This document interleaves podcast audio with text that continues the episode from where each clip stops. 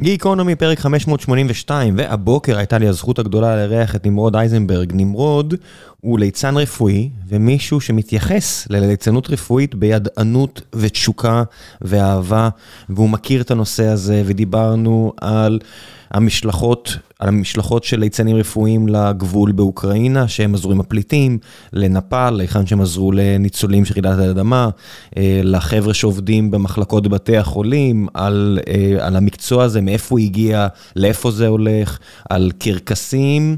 על חיות לעומת בני אדם, על לעשות שמח במקום שבו יש הרבה עצוב, ועל שלל נושאים אחרים. פשוט פרק פצצה שמזכיר לי למה אני אוהב לעשות את הפודקאסט הזה. ולפני שנגיע לפודקאסט הזה, אני רוצה לספר לכם על נותני החסות שלנו. והפעם זו חברה בשם AI21, שבזמן שכל החברות קצת מתייעלות ומצטמצמות, הם דווקא... היא דווקא מאוד מתרחבת, AI21 שהוקמה על ידי פרופסור יואב שוהם שהיה פה לא מזמן בפרק מעולה מעולה מעולה שרבים מכם אה, אהבו, מפתחת את אחת מהפלטפורמות המוצלחות והעמוקות בעולם לניתוח טקסטואלי, NLP, Natural Language Processing. אתם מכירים את זה משלל מקומות, אבל הם עושים פלטפורמה משלהם. וחלק מהעבודה זה פיתוח הפלטפורמה הזו, וחלק אחר של העבודה זה שלל אפליקציות ושירותים שאני אישית מאוד מאוד אוהב ומסתמך עליהם. בראש ובראשונה זה וורטיון, כלי שעוזר לי אישית לכתוב לצורך העניין טוב יותר בשפה האנגלית, ויש גם וורטיון uh, רידר שעוזר לאנשים לקרוא טקסטים, שם אני פחות uh, משתמש, אבל את וורטיון uh, הבסיסי שעוזר לכתוב אני מאוד מאוד אוהב ועליו אני ממליץ, אבל אני גם ממליץ לכם לבדוק את החברה הזו בתור מעסיק פוטנציאלי. הם מחפשים עכשיו לגייס שלל משרות, וההיכרות שלי עם החבר'ה מהחלק של ה-marketing לחבר'ה של הטכנולוגיה שיצא לי עכשיו קצת להתחיל לעבוד איתם, כי אולי נשתף פעולה בסטרים אלמנט.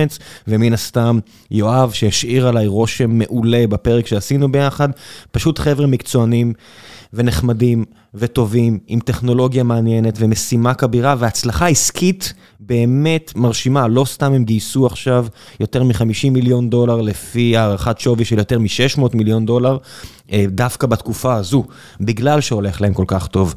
תיכנסו לאתר המשרות שלהם, תגידו שהגעתם דרך גיקונומי, זה יעזור לי אישית, זה גם יעזור להם לראות שהאפיק הפרסומי הזה עובד. אחלה חברה ויופי של הצעת ערך. ועכשיו, גיקונומי 582 עם ליצנים רפואיים, תהנו.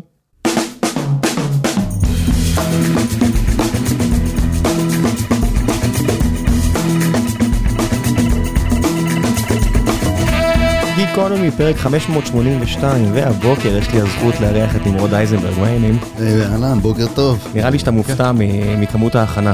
לגמרי, השקענו, הרמנו, עשינו, מה לא התכוננו, והנה אנחנו כאן פנים על פנים. ציפית למשהו אחר, אני מבין. לשנות ציפיות זה מה שאנחנו עושים, גם בעבודה שלי, כנראה גם בעבודה שלך, אז האמת שלא ידעתי למה לצפות, אני שמח על המפגש הזה ככה. לא, בעבודה שלי, אני אוהב להגיע מאוד מאוד מוכן. אוקיי. בתחביב הזה, כן. מפאת הרצון שזה יסתדר עם העבודה והמשפחה והכל, כן.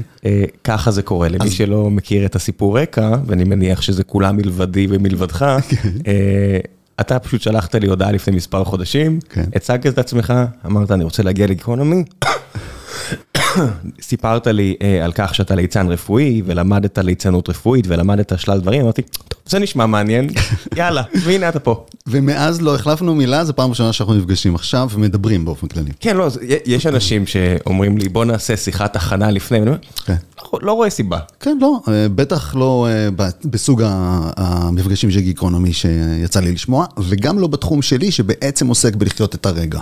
לחיות את הרגע, לפגוש אנשים וליצור איתם את המצב, אז שום הכנות. הנה אנחנו פה פנים בפנים, האמת שהשאלה היא גם בשבילך, אתה רואה אותי עכשיו ואמרתי לך שאני ליצן רפואי, זה מה שציפית? אני מודה שלא, אני לא בונה ציפיות.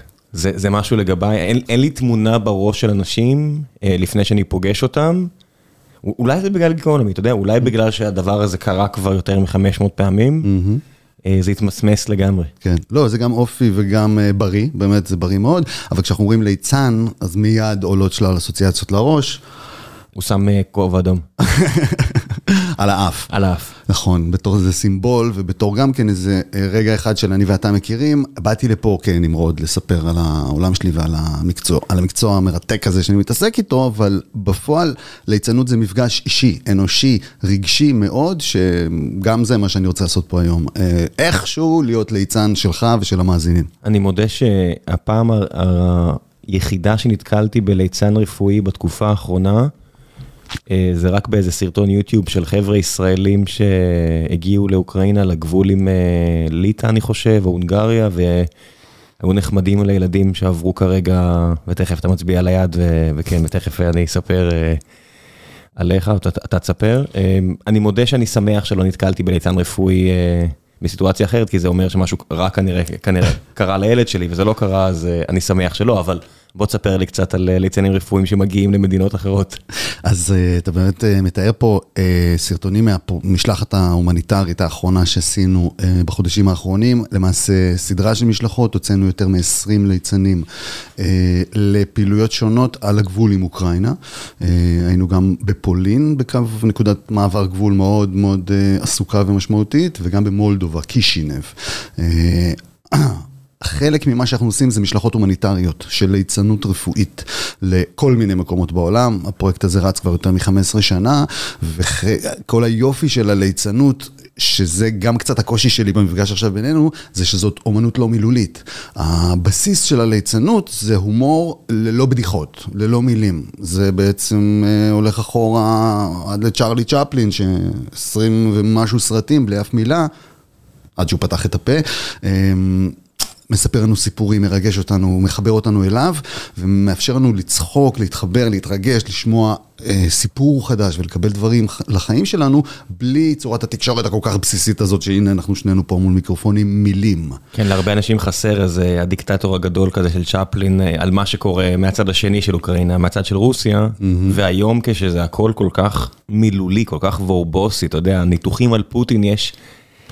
אלף, כן. אלפיים, מיליון, כולם יודעים להגיד את דעתם על האיש, כן. ובתקופה שהיה הרבה פחות מילים, להציג עד כמה מגוחך. אתה יודע, בסופו של דבר היטלר היה הרבה דברים ולא מגוחך, אבל בפועל זה היה דבר מאוד מגוחך. איש קטן שצועק, צועק, צועק, וצ'רלי צ'פלין הציג את זה בצורה...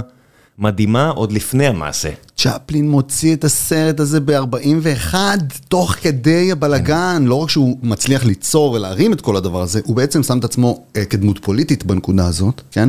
בתוך מרחב אה, אומנותי, אבל הוא אומר אמירה מאוד רלוונטית לכאן ולעכשיו. האחרון שעושה את זה בזמן, בשנים האחרונות, במידה מסוימת מאוד, סשה ברון כהן, הגדול מכולם, שגם שם דמויות שהן... יש להם אפקט פוליטי, תוך כדי המעשה, תוך כדי הזמן עצמו, ומעז להגיד דברים אה, outrageous ולהיות אה, משוגע ולהיות מאוד מאוד קיצוני, ולקחת את המקום הזה. אה, למרות שסשה ברון כהן punching down, לא punching up, לרוב סשה ברון כהן מגחיך את האנשים... אה... די מעמד נמוך, זאת אומרת, אתה רואה את הסרטים שלו, מלבד עכשיו באחרון שיש אה, פוליטיקאי כזה, אני חושב רודי ג'וליאני שחוטף ממנו בצדק, כן. אה, שעושה בהחלט דברים לא יפים כן. בסרט, אבל רוב האנשים שחוטפים מסשה ברון כהן בסרטים שלו, כן. זה חבר'ה, זה בהחלט punching down, זה הקומיקאי המיליונר שנופל על אה, אנשים ממש פשוטים ברחבי ארצות הברית. אה, זה סגנון אה, חברתי בעצם, נכון? כן. הוא בא ומדבר על התנהגויות, על התנהגויות אנושיות מאוד אה, בסיסיות. וכשהוא פוגש את האנשים, אתה יודע, בבורת שם עם כל האמריקן טייפס האלה, הוא בא לאנשים שיש להם בתוך החיים שלהם עוצמה. הוא בא לאנשים שמלמדים דברים, כן, יש לו שם סצנות עם אלה שמלמדות אתיקט והתנהגות נאותה וראויה. בחיים שלהם, בחוויה האישית שלהם, הם אנשים עם עוצמה, הם מרגישים שהם מעליו לגמרי, נכון? כן. זה הטריק שלו. הוא בא ואומר, אני לא מבין כלום, אני לא כאן, אני לא פה, אני לא כן. יודע, אני מגיע, אני לא מדבר טוב, אני זה, אפשר ללכת לחרבן פה איפשהו. הוא משתמש, הוא מוריד את עצמו בשביל להעלות אותם, אמ, וזה... לגמרי אחד הטריקים של הליצן, שבא ומציג את, בעצם משתמש בחולשה, בקושי, בכישלון, בפשלה, בחוסר יכולת שלו, בשביל לחזק את אלה שמולו. תכף נדבר על ליצנות רפואית ונראה למה, למה בכלל יש ליצנים בבתי חולים. ולמה זה ליצנות בבתי חולים. רק כדי להגיד לגבי סשה ברון כהן ולגבי אולי כל השיחה שלנו, על טעם ועל ריח, אה, המשפט אומר, אין, לא להתווכח, דווקא זה הדבר היחידי שיש להתווכח עליו, כן? טעם וריח והסגנון והאהבה שלנו וזה. כל השאר זה עובדות. אז, בדיוק. אז אני אומר, בוא נתווכח, אם אנחנו אוהבים את סשה ברון כהן, או אנחנו לא אוהבים את קריימר, או אנחנו אוהבים את מיסטר בין, או כאילו, על זה... אני אנחש שאתה מאוד אוהב. אמרתי עכשיו כמה שמות שהם בעצם מתוך העולם שאני, ש, שמה שאני תופס טוב מגדיר אותו כליצנות מודרנית, וכדמויות שאנחנו יכולים להתייחס אליהן בתוך הקומדיה, ליצנות. כן, תראה איזה דבר מגניב עשית פה. סשה ברון כהן זה לא הדמות, זה, זה השחקן, קומיקאי, אה, מיסטר בין, זה הדמות של השחקן שהיה בדיוק בכיוון השני, רואן אטקינסון, עם הביקורת אנטי מלחמתית הכי מבריקה אה, שאני נחשפתי אליה. אנטי דתית, אנטי מלחמתית, הבלק אדר, שלוש עונות, אם אני זוכר נכון, של שלמות טלוויזיונית כן. מילולית. כן. הוא הכי פחות... המימיקות, אתה יודע, בשביל מימיקות יש לו שם את יו לורי, דוקטור נכון. האוס, שעושה את הבעות פנים האלה ונראה דביל כזה, ורואן אטקינסון רק עם מעט מאוד מילים, יש מעט מאוד פרצופים, אבל הרבה מאוד מילים מושחזות, עם הומור בריטי ברמה הכי גבוהה, ואז מיסטר בין. מגיע אה, לנטפליקס של הילדים. כן. הוא, הוא אפילו לא בנטפליקס של המבוגרים, הוא בנטפליקס של הילדים. כן. ונראה שכיף לו. כן, תשמע, אמן, יוצר, שחקן, משתמש בכלים. משתמש בכל מיני כלי הבעה שיש לו, ותקופות מסוימות בקריירה שלו, בהישגים שהוא רוצה, בהשפעה שהוא רוצה ליצור. מילולי, טקסטואלי, סיפורי, אה, אה, דמויות וככה, ובשלבים אחרים, שוב, מי שמצליח להגיע למקומות האלה, סותם את הפה. נותן לגוף לעבוד, לרגש לפעום, נותן לסיפורים שהוא יוצר אה, להשפיע ממקום אחר על הקהל שלו. אה, והנה, אנחנו זוכרים את מיסטר בין, ואני אפילו אה, לא, לא, לא לגמרי זוכר את בלק אדר ואת כל העלילות שהולכות שם, אבל אני יכול לצייר עכשיו אחת הסצנות במיסטר בין. היכולת הזאת של התחום, באתי כאן עם כובע הליצן, כי הדמות הזאת שהיא... שזורה בתוך התרבות המודרנית, היא שזורה, אנחנו רואים אותה בכל מיני מקומות בסרטים. הרבה לפני כן, לא סתם זה על הקלפי משחק שלנו, כי בסופו של דבר אה, ליצנים ששעשעו אה, נסיכים היו... מאות בשנים. לגמרי, זו דמות עתיקה מאוד. אני יכול לספר לך גם על אה, עדויות ממש עתיקות שאנחנו משייכים אותן אלינו, של פסלים וחריטות על, אה, על כדים יווניים, של דמויות שהולכות בצורה אחרת ו- ושונה, שמשתמשות בדברים שמזכירים לנו juggling היום, בחפצים, להשתמש בחפצים בצורה מיוחדת מלפני אלפי שנים, אבל בטח ובטח על התקופות שאתה מדבר עליהן, שייקספיר מלא בליצנים, כן? 1400 ומשהו, מלא בדמויות ליצן. כלומר, זו דמות שיש לה... גם, אה, גם רקע מאוד מאוד עשיר, אני עכשיו מסתכל על מה זה ליצן בימינו, זאת לא הרצאה היסטורית וגם זה לא כל כך מעניין לגעת באוקיי, מה עשו הליצנים של אז, אלא מה זה היום ליצנים ואיפה הם רלוונטיים לחיים שלנו היום, אני מחפש אותם בכל המקומות האלה. אני רואה את, ה, את הכוח של האומנות הלא מילולית הזאת והאומנות הרגשית של לבוא ולספר סיפור ולגעת ממקום, אה, ממקום של חולשה, של כישלון. כי אחד הדברים שמאפיינים את הליצנים האלה לאורך כל השנים, זה שהסיפור של הליצן הוא סיפור של התמודדות עם פאשלות, צרות, מכות והחוסר אה, השלמות המובנה בחיים. כן, בחברה המודרנית אפילו, ב sophisticated, שהומור זה רק משהו שחושבים עליו.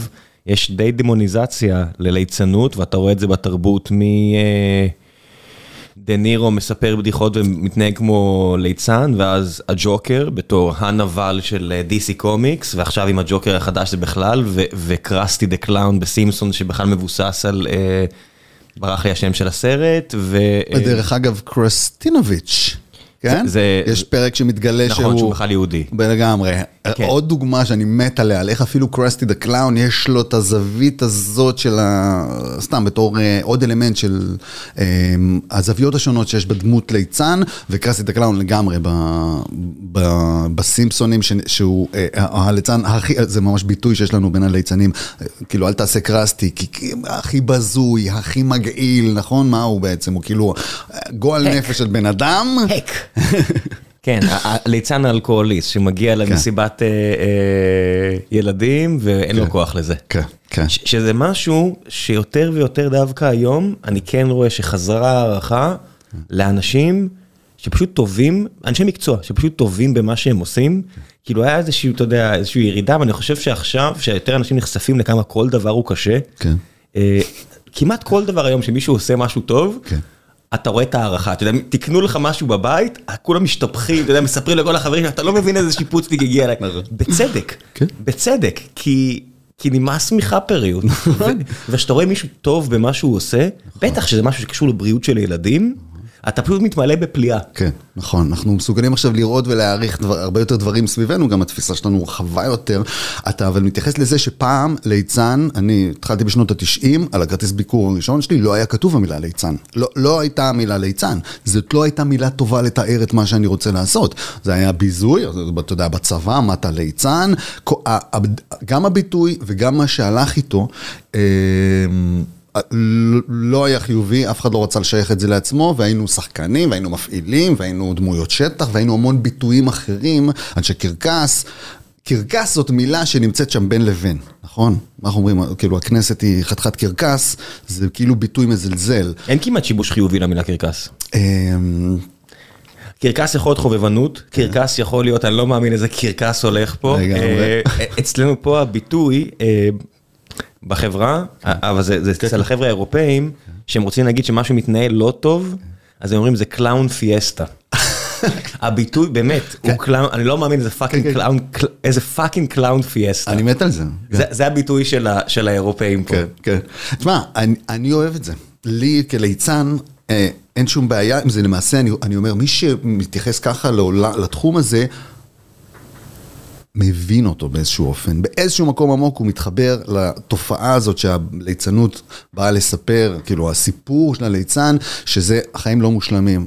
העסק פה לא מתקתק, כל כך הרבה בעיות, כל כך הרבה צרות, כל יום שלנו מורכב מכל כך הרבה התמודדויות קשות, והליצן הוא זה שבא לספר את הסיפור של הדבר הזה. Why so serious? יאו, לא, תקשיב, הסרט הזה באמת היה בשבילנו אתגר גדול. איזה מהם? הג'וקר החדש. אז לא, why so serious זה עוד היט uh, לג'ר.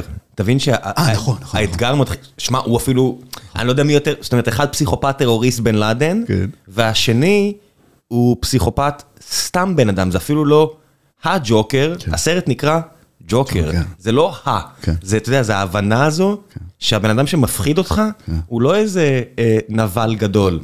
זה סתם בן... השכן ממול. זה בדיוק הפחד האמריקאי הזה, שמי שיירה בך, כן. הוא לא בן לאדן. כן, כן. זה איזה ילד בן 18 שלא דיבר אף פעם עם מישהי, והוא מאוד מתוסכל מזה. כן, לגמרי. זה נכון שהסרט הזה, זה מה שהוא עושה, הוא עושה את הפסיכולוגיה של creeping in, כאילו מבפנים, זה משהו מורכב, שלא רואים אותו, שלא שומעים אותו, ושיש לו זה, ושזה יוצא משם, וזה נכון שהליצנים גם משקפים את הדבר הזה, אפילו בתרבות, כאילו אפילו באופן בסיסי פה היום, מסתכלים על, על, על אנשים שונים, מוזרים. שמע, אחד מאבות הטיפוס של הליצן, אחד מהדמויות המאפיינות שלנו, זה שוטה הכפר, אבל של פעם באמת, כאילו, של האלכוהוליזם קשה, של של מאות קודמות, היום הוא עדיין קיים בארצות נורדיות מסוימות וכל מיני מקומות כאלה, אני לא יודע אם אתה מכיר את התופעה של אף בולבוסי, זה נקרא, זה אף שהאף, כלי אדם, כלי, כן. כלי אדם באף, מתוך האלכוהוליזם והקור בחוץ מתנפחים, אה, מתפוצצים, האף מתנפח, ואתה רואה אנשים עם אף אדום, עגול, גדול, אלכוהוליסטים רציניים. לא, לא ידעתי שזה המקור של האף האדום. אחד מהאבות טיפוס של זה. עכשיו, איך מתנהג האיש הזה, האלכוהוליסט, שותה הכפר של פעם, הוא הולך מוזר, הוא מדבר לא לעניין, הוא יכול להיות מאוד רגשי, כן? אני אוהב אותך, אני שונא אותך. מלא מימיקות כרגע. כן. תראה, האתגר שלי היום הוא להעביר את תחום uh, של מימיקות, של תנועה, של גוף, של שפת גוף ואומנות לא מילולית והומור uh, בשיחה. אז אוקיי, אתה יכול מדי פעם לספר את הדבר הזה שיוצא ממני באופן טבעי, ההתנהגות הזאת. אה, אז יש לנו את הדמות הזאת של האלכוהוליסט הכרוני, כן? שגם היה, נגיד לכל כפר היה את שוטה הכפר שלו, זה זה שגם אומר קצת את הדברים שאף אחד לא אומר, כן? קריימר, זה הדמות של קריימר בסייפל, שאם למישהי יש אף גדול ורק חסר לה ניתוח, בוא נהפוך את זה אה, גברי, כי 2020 כן. צריך לעשות את זה גברי. כן. אה, אם למישהו יש אף גדול ורק הוא צריך ניתוח באף כדי להיות חתיך עולם, כן. כן. צריך להביא את השוטה, כן. שפשוט הוא לא צריך את כללי ה-PC, הוא פשוט יגיד את מה שצריך להגיד. כן. שזה משהו שיותר מתאים לילדים כביכול בחברה המודרנית, mm-hmm. וזה משהו מדהים שחשבתי עליו, שבדרך לפה אמרתי, במחלקה האונקולוגית למבוגרים, mm-hmm. אין ליצן, אין ליצן רפואי לעניות דעתי, ואולי צריך שיהיה ליצן רפואי. וואי, לגמרי. אנחנו מריצים המון פרויקטים, וכמובן שרוב הפרויקטים שלנו הם עם ילדים, אבל היה לי, היו לי כמה שנים באונקולוגים מבוגרים איכילוב, אוקיי? והתמודדות עם האתגר הזה, כי ברור לנו שדווקא אצל המבוגרים יש כל כך צורך בסיוע רגשי, בשינוי המצב הרגשי, בלהסתכל אחרת על הדברים, בקצת, קצת להשתחרר וקצת רווחה. אה, חברתי, להתנהג אחרת ולקבל קצת תחושה אחרת על מה שקורה, כי את הטיפול הרפואי, באיכילוב, אחד הבתי חולים הכי טובים שאני מכיר, כן, מקום מדהים, הטיפול הרפואי מגיע עד הסוף. יש פער קטן שנשאר שם, של ההתמודדות הרגשית, ושל איך לעבור את זה, ואיך לחוות את זה. אני חולק עליך, זה לא פער קטן בכלל. אוקיי. זה פער גדול מאוד. אם תראה, רוב התלונות היום של אנשים שהם אה, ברי דעת, לא פסיכופטים שמרביצים לרופאים, אה, שאני מצטער, אני שם אותם בקטגוריה הזו, כל מי שמרים את היד על רופא. ברור. אבל אלה שסתם מתוסכלים. זה יהיה בדיוק על זה. זאת אומרת, הרבה אנשים אומרים, הגעתי לבית חולים, אוקיי, מפוצץ פה, אני מבין אותם. אוקיי, קיבלתי, בסוף קיבלתי טיפול רפואי טוב, מה שהיה חסר לי כן. זה היחס החם יותר. כן. שאני מבין את כולם, אתה, אתה מבין את את האח או את הרופאה שראו עכשיו אלף חולים הלילה ופשוט אין להם יותר את היכולת, אבל אתה גם מבין את החולה שאומר, אבל אני רואה את העולם מבעד לעיניים שלי, אני כל מה שיש לי, כן. אני צריך את המילה החמה הזו, אני צריך שישאלו אותי מה קורה איתי. כן, וטיפול רפואי, טיפול והבראה והחלמה זה מסע רגשי. זה מסע רגשי. אתם, התפקיד של, כלומר, המערכת הרפואית, התפקיד שלה זה לעשות את הפרוצדורות הרפואיות, ולה...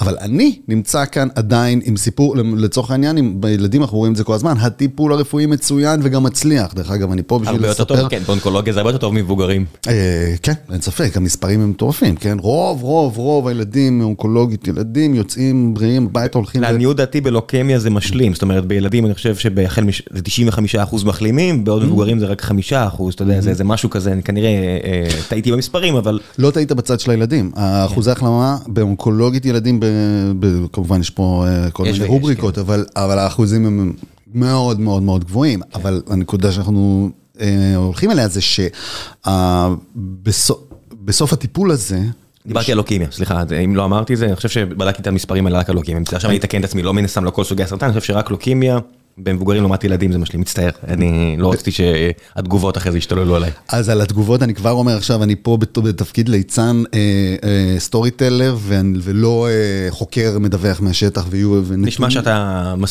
מספיק, מכיר אה, כדי להגיד כן. בביטחון. לגמרי אני עובד בשטח, אבל גם כאופי וגם כסיפור שיש לי לספר לעולם, זה שהדברים שאנחנו עושים הם לא, אה, אה, ההשפעה העיקרית עלינו היא לא האינפורמציה והמתמטיקה של העובדות וההסכמה עליהם, שם דווקא אנחנו מתחילים אה, אה, להסתבך. ו- למה? אבל יש כל כך הרבה הבנה היום שהמצב הרגשי כן חשוב ל- ל- לרפואה, ואפילו, עזוב פלסבו שהוכח כמשהו רציני וחשוב, ואין כן. פה תרופה שניתנה, זאת אומרת, הנה ההוכחה שהמצב הרגשי כן משפיע. לגמרי. זאת אומרת, עצם קיומו של אפקט הפלסבו, אבל אנחנו היום יודעים שמצב רגשי הוא מאוד חשוב לבריאות האדם. לגמרי. אין ספק לגבי זה, נכון? אה, לא, אין ספק, אתה יודע, אין ספק לגבי זה, עכשיו זה עניין של אה, להטות משאבים בכיוונים הנכונים, וכל מה ש...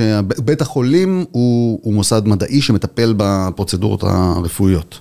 אה, יש המון טיפול רגשי היום, גם בתוך בתי החולים, גם בתוך המקום הכי ממוסד הזה, יש המון טיפול רגשי. אני מייצג... עמותה ענקית של פעילות של ליצנות רפואית שבאה לעשות שינוי רגשי עמותה. ולסייע. איזו עמותה זו? הפעילות שאני, אה, עמותת רופאי חלום, The Dream Doctors Project, כן, זו, זו העמותה הישראלית ששמה ליצנים רפואיים מקצועיים שעובדים קבוע, שהם חלק מהצוות הרפואי, שהם ממש משולבים בתוך בית החולים, ואנחנו מקבלים המון המון מקום בבתי החולים לעשות את הפעילות הזאת בשיתוף פעולה מלא. אה, אנחנו רק חלק מהטיפול הרגשי, בית חולים מלא בטיפול רגשי, אתה, אני חושב שאתה קצת מכיר את זה, לא? לא, יש, לא, אז, לא. משרד החינוך, זכיתי לא להכיר את זה. אה, מזל טוב. אבל משהו במשפחה שלך, לא? כן, כן, אימא רופאה, אבל זה לא... אבל אני מכיר רק את הצד הפרקטי-מדעי, אני לא מכיר את הדברים האלו. משרד החינוך עמותות חיצוניות נוספות, למשל יש מורים וגננות, מורים ופעילות חינוך כזאת בבתי ספר, ש... של בתי ספר שיושבים בתוך בתי החולים. ליווי רגשי, ליווי רוחני, יש המון מומחים מכל מיני סוגים שנמצאים היום בבתי החולים. אני אספר על הליצנים הרפואיים, כי הפעילות שלנו החל מ-2003, פעילות מאוד מאוד ארוכה, שמיועדת לעשות את זה בצורה מקצועית, בצורה רצינית. לוקחים את הליצנות ברצינות, רוצים להגיע גם לתוצאות הכי טובות ולהיות אפקטיביים ובאמת לעשות שינוי בטיפול, בתוצאות של הטיפול הרפואי. איך לוקחים ליצנות ברצינות? לאט. לאט, צעד, צעד, מסתכלים על מה שעושים, חוקרים את זה בין השאר.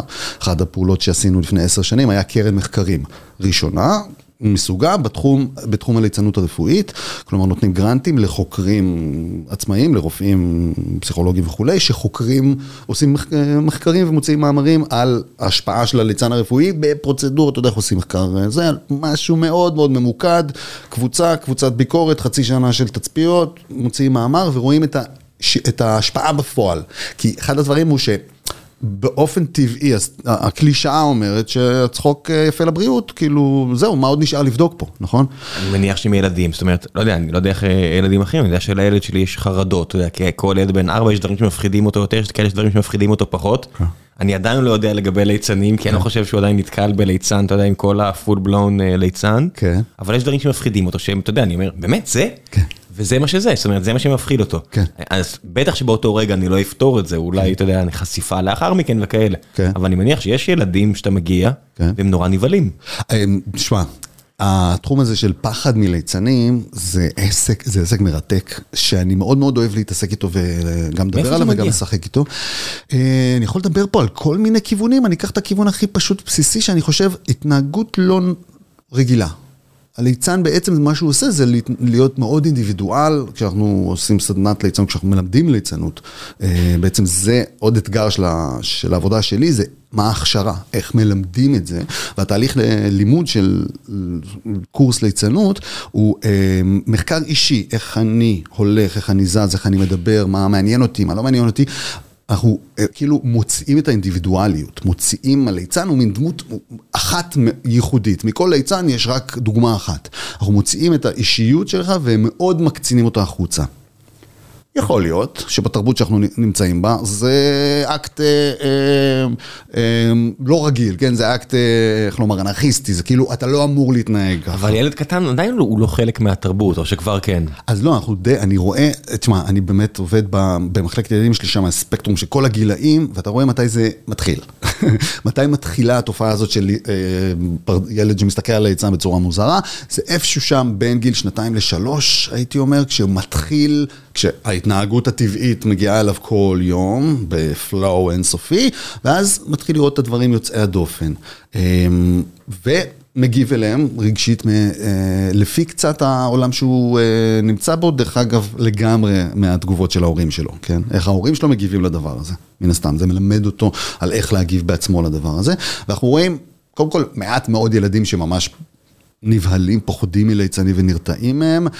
זה גם הרבה מאוד תלוי בליצן, כן? זה תלוי מאוד בגישה ובאיך אתה מגיע לשם, ואחד הדברים היפים בליצנות זה שזה לא מופע, זה בעצם שיתוף פעולה. בטח הליצנות הרפואית בבית חולים, אתה בא בשביל ליצור שיתוף פעולה. מין פינג פונג משחקי כזה, אז זה לשגר אקט ולראות מה מגיע, ואז להגיב למה שמגיע ולשחק עוד סיבוב של הדבר הזה. כמה plan B יש לך? Plans infinite. כן, יש לך שק של plans B? למעשה, אין לי שק של פלאנס בי, אלא יש לי... אין לך שק של plan A, אתה אומר. יש לי אילתור אינסופי. הליצנות היא אילתור, זה היופי שלה, לכן זה גם בשבילנו אומנות מאוד מאוד מעניינת, כי זה פשוט תגובה אינסופית. Acting is reacting.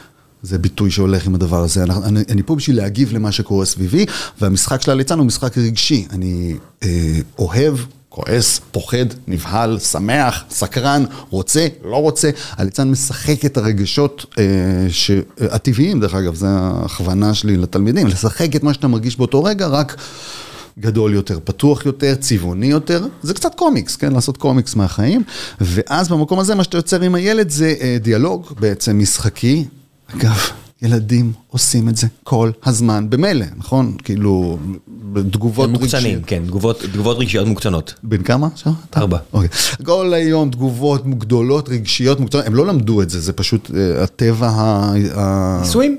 כן, אה, טבע מה- גדילה. מה- מה יביא לו את התגובה המעניינת מהצד השני? כן. acting reacting אה, תמידי. כן. בסדר, זה זה מה יש, כמה אחוזים ממה שאתה עושה זה לילדים וכמה אחוזים זה לה- להורים שלהם? יאו, אוי, זה נפלא. שמע, ילד וההורים שלו, בטח בגילאים האלה, בטח במצב מצוקה. איך לא? שזה אשפוז בבית חולים, כן. הם יחידה אחת. הם יחידה משותפת, הם עובדים ביחד. יכול להיות שיש להם התנגדויות פנימיות וסיפורים מעניינים, זה בכלל עבודה מרתקת אה, אנושית כזאת, לראות איך משפחות מתנהגות ביחד.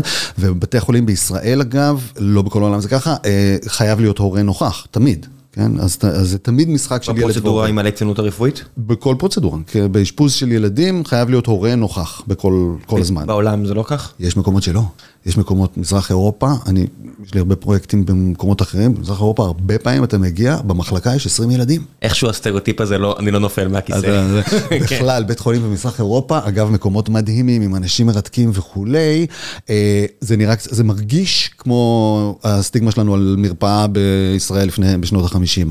דממה, אור חשוך. Uh, הכל נעול, אתה צריך לעבור איזה שלוש דלתות עד שאתה מגיע, כאילו שפותחים לך דלתות עד שאתה מגיע בכלל לעבוד עם הילדים, אווירה מאוד מאוד שונה. Um, הייתי אומר, it's right for the culture, זה נכון לתרבות שלהם. כמה מזרח אירופה אנחנו מדברים? אה, ספציפית יש לי פרויקט בלטביה שאני חוזר אליו כל שנה, לטביה, אה, ורוסיה, בתקופה, כאילו, הייתי הרבה פעמים בבתי חולים ברוסיה, ו... מעניין אותי לראות, אתה יודע, עכשיו אה, מזרח גרמניה, איזה תרבות יש כרגע שם, אתה יודע, כשאתה עובר את הגבול בברלין, כן? אתה עובר מ... וואו, המדינה הכי עשירה בעולם זה מרגיש, כן. ל...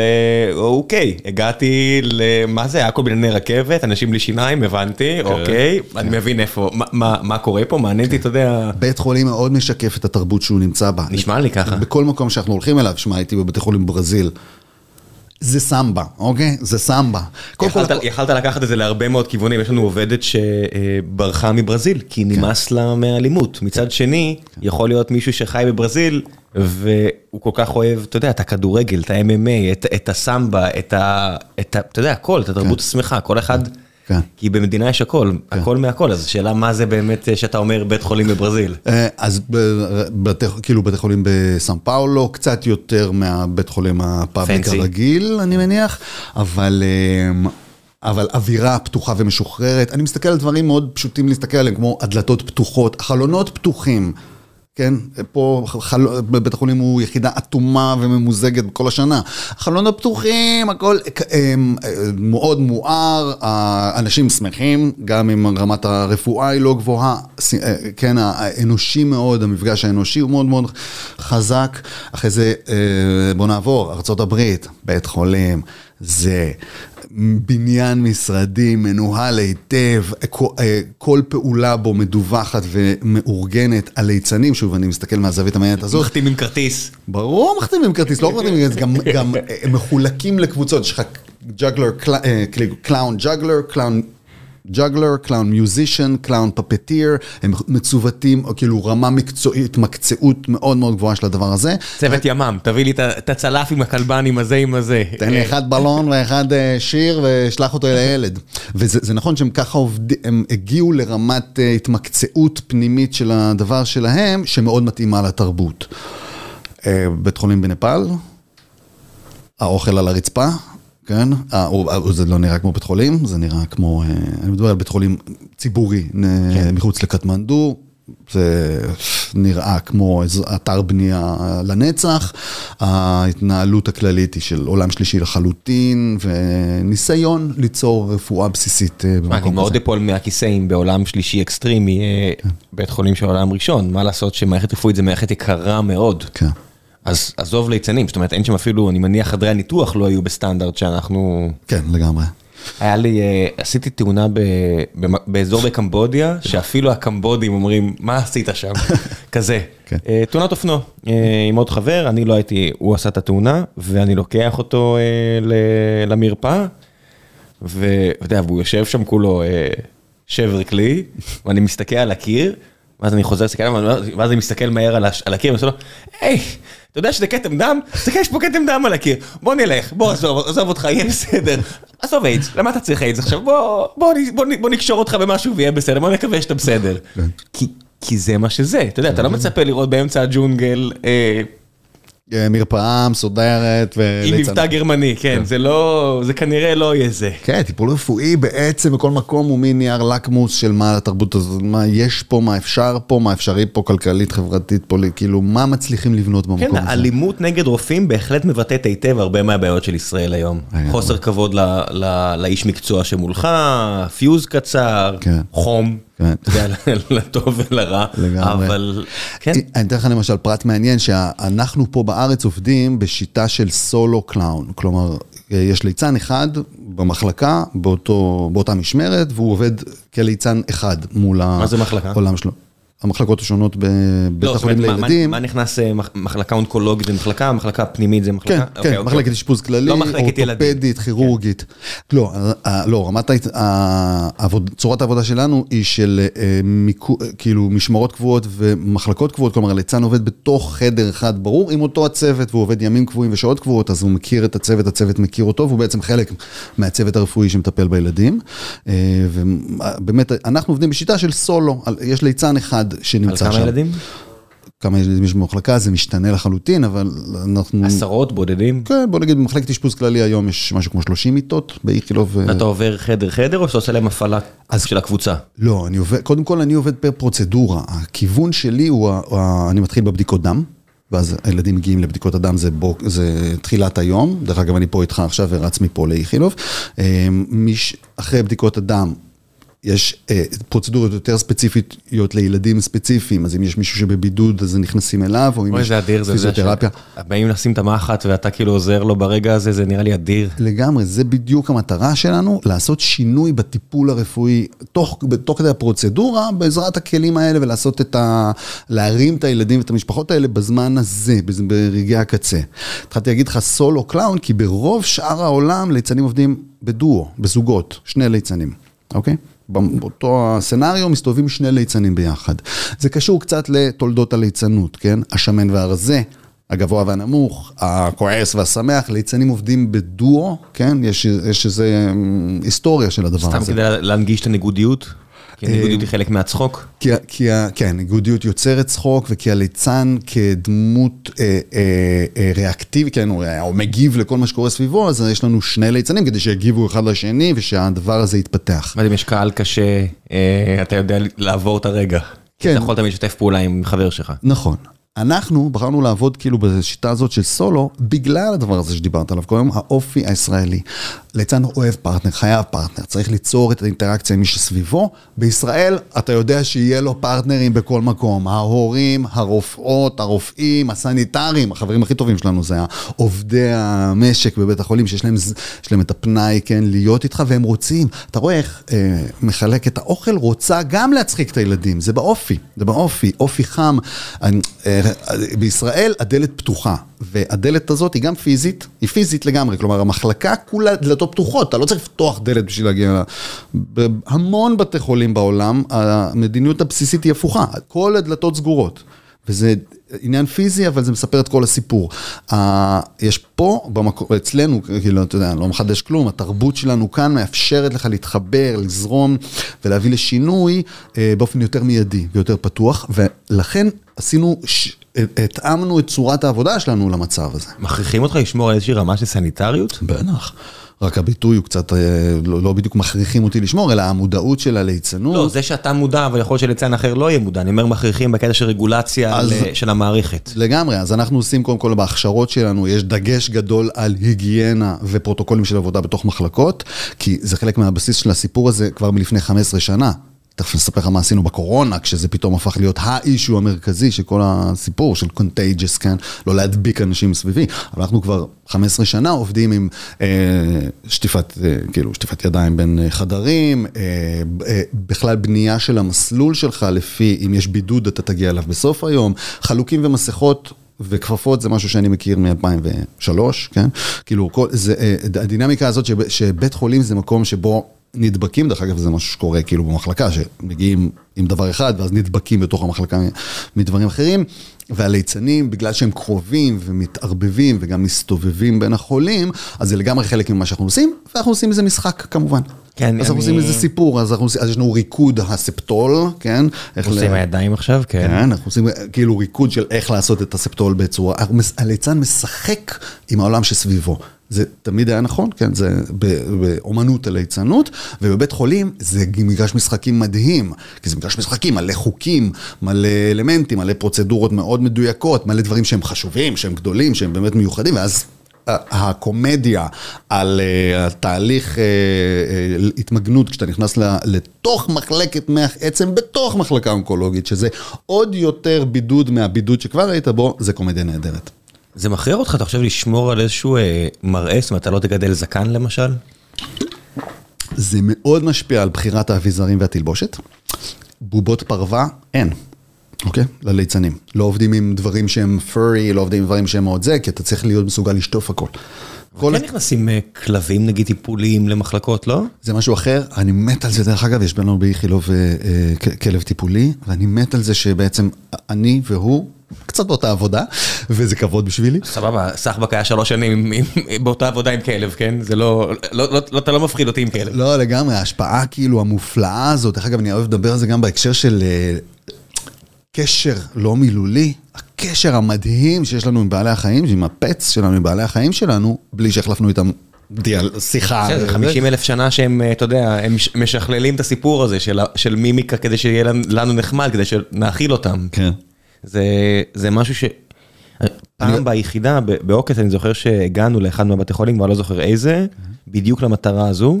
כל הכלבים שהם יותר נחמדים, אה, ביקשו שנגיע לעשות איזושהי בדיקה, כן. והגענו אה, חצי מהצוות לבית החולים לילדים. אה, הוא מקסים. כן, ו- ואתה רואה מיד, אתה יודע, כן. הכלב מגיב גם יותר טוב לילד, ואתה אומר, מה זה הנס הזה? כן. אז אתה מבין, זה לא סתם, אתה יודע. הם פעם רצו לקבל אוכל עד המדורה, אז הלכו לילדים. זה לא... כן. הם גם, ה- הם גם סוג של ילדים, כאילו, בהתייחסות שלנו, אז יש בהם משהו שהוא הוא, הוא רך, הוא רגשי, אני, אני אסתכל על הזווית הזאת, רגשי. נכון, כלב זה חיה רגשית מאוד איתנו, הוא כל הזמן מצפה לך, ואז הוא מאוכזב כשאין לו, ואז הוא רוצה שזה, ואז הוא שמח, ואז הוא, והוא כן. אה, משחקי, נכון? כל היום הוא משחק, כל דבר זה משחק בשבילו. במיוחד אלה, במיוחד הספציפיים האלו. שהם הם מאוד משחקיים. כן. אה, כשמדברים איתי על הומור והומור של ליצנים וככה, אני מתייחס למילה הזאת ולהתנהגות הזאת, משחקיות. הליצנים, לפעמים הם לא הקומדיה הכי מצחיקה. בטח לא בדיחות, בטח לא הדבר הזה, זה לא הכי הא-הא-הא, זה הכי משחקי ומשחק עם העולם שסביבו. ואז כשאנחנו מסתכלים על כלבים, אתה, אה, ואתה מדבר, הגענו לזה, אני בסוגריים של סוגריים של סוגריים של סוגריים, כן, אתה נכון? יודע, כן, אנחנו, זה סוגריים משולשים, סוגריים מרובעים, סוגריים עגולים, ואנחנו לא נזכור את הסדר שזה בא, זה נכנס, אנחנו נחזור באמת- לדברים, אל תדאג. אין בעיה, אז. אז אני לוקח המון, דרך אגב, כש... שוב, יש לי, some clowns are dogs, some clowns are cats. איך clown יכול להיות cat? הוא עושה עכשיו אה, הבעת פנים. לא אה, מגיע. באסטר קיטון, צ'רלי צ'פלין, אוקיי? אה, ליצן רגשי, אקספרסיבי, אה, קופץ, מתרוצץ, עושה, פעיל. משתמש באנרגיה הזאת של כלב, לא לא בהכרח באופן מודע, אלא רק בהסתכלות. סליחה. לבריאות. צריך ליצן? לא, לא, לא. ליצנ... ליצנים אחרים מופנמים, שקטים, מתעסקים בדבר הזה של הפוזה, הפוזיציה, הזוויות, הפאוזה. בעצם קומדיה עובדת על פאוזה. כלומר, לספר בדיחה זה תהליך שיש לו קצב, מוזיקה משלו, ויש לו איזה דרך שבה הוא קורא, ואז הוא משתנה ומוצא את הדרך האחרת. כן. אוקיי, אז... במופעי סטנדאפ הכי טובים של האמנים הכי טובים, עכשיו בגלל נטפליקס אתה באמת יכול להיחשף לזה במחיר שווה לכל נפש, אתה רואה את הכי טובים, מספרים את הבדיחה ואז נותנים את ה-15 שניות האלה. אתה נשפך מצחוק כשהוא עושה את הפרצוף שמגיב לה. נכון, הוא מגיב. לעצמו כי הוא לבד על הבמה. כן. והוא צריך את ה... הוא נותן את ה... או היא נותנים את ה-15 שניות האלו, או 10 שניות, שזה המון, זה נצח. אבל זה- חלק נורא חשוב מה- מה flow. גם בחוויה של הקהל, זה ההפנמה העמוקה יותר.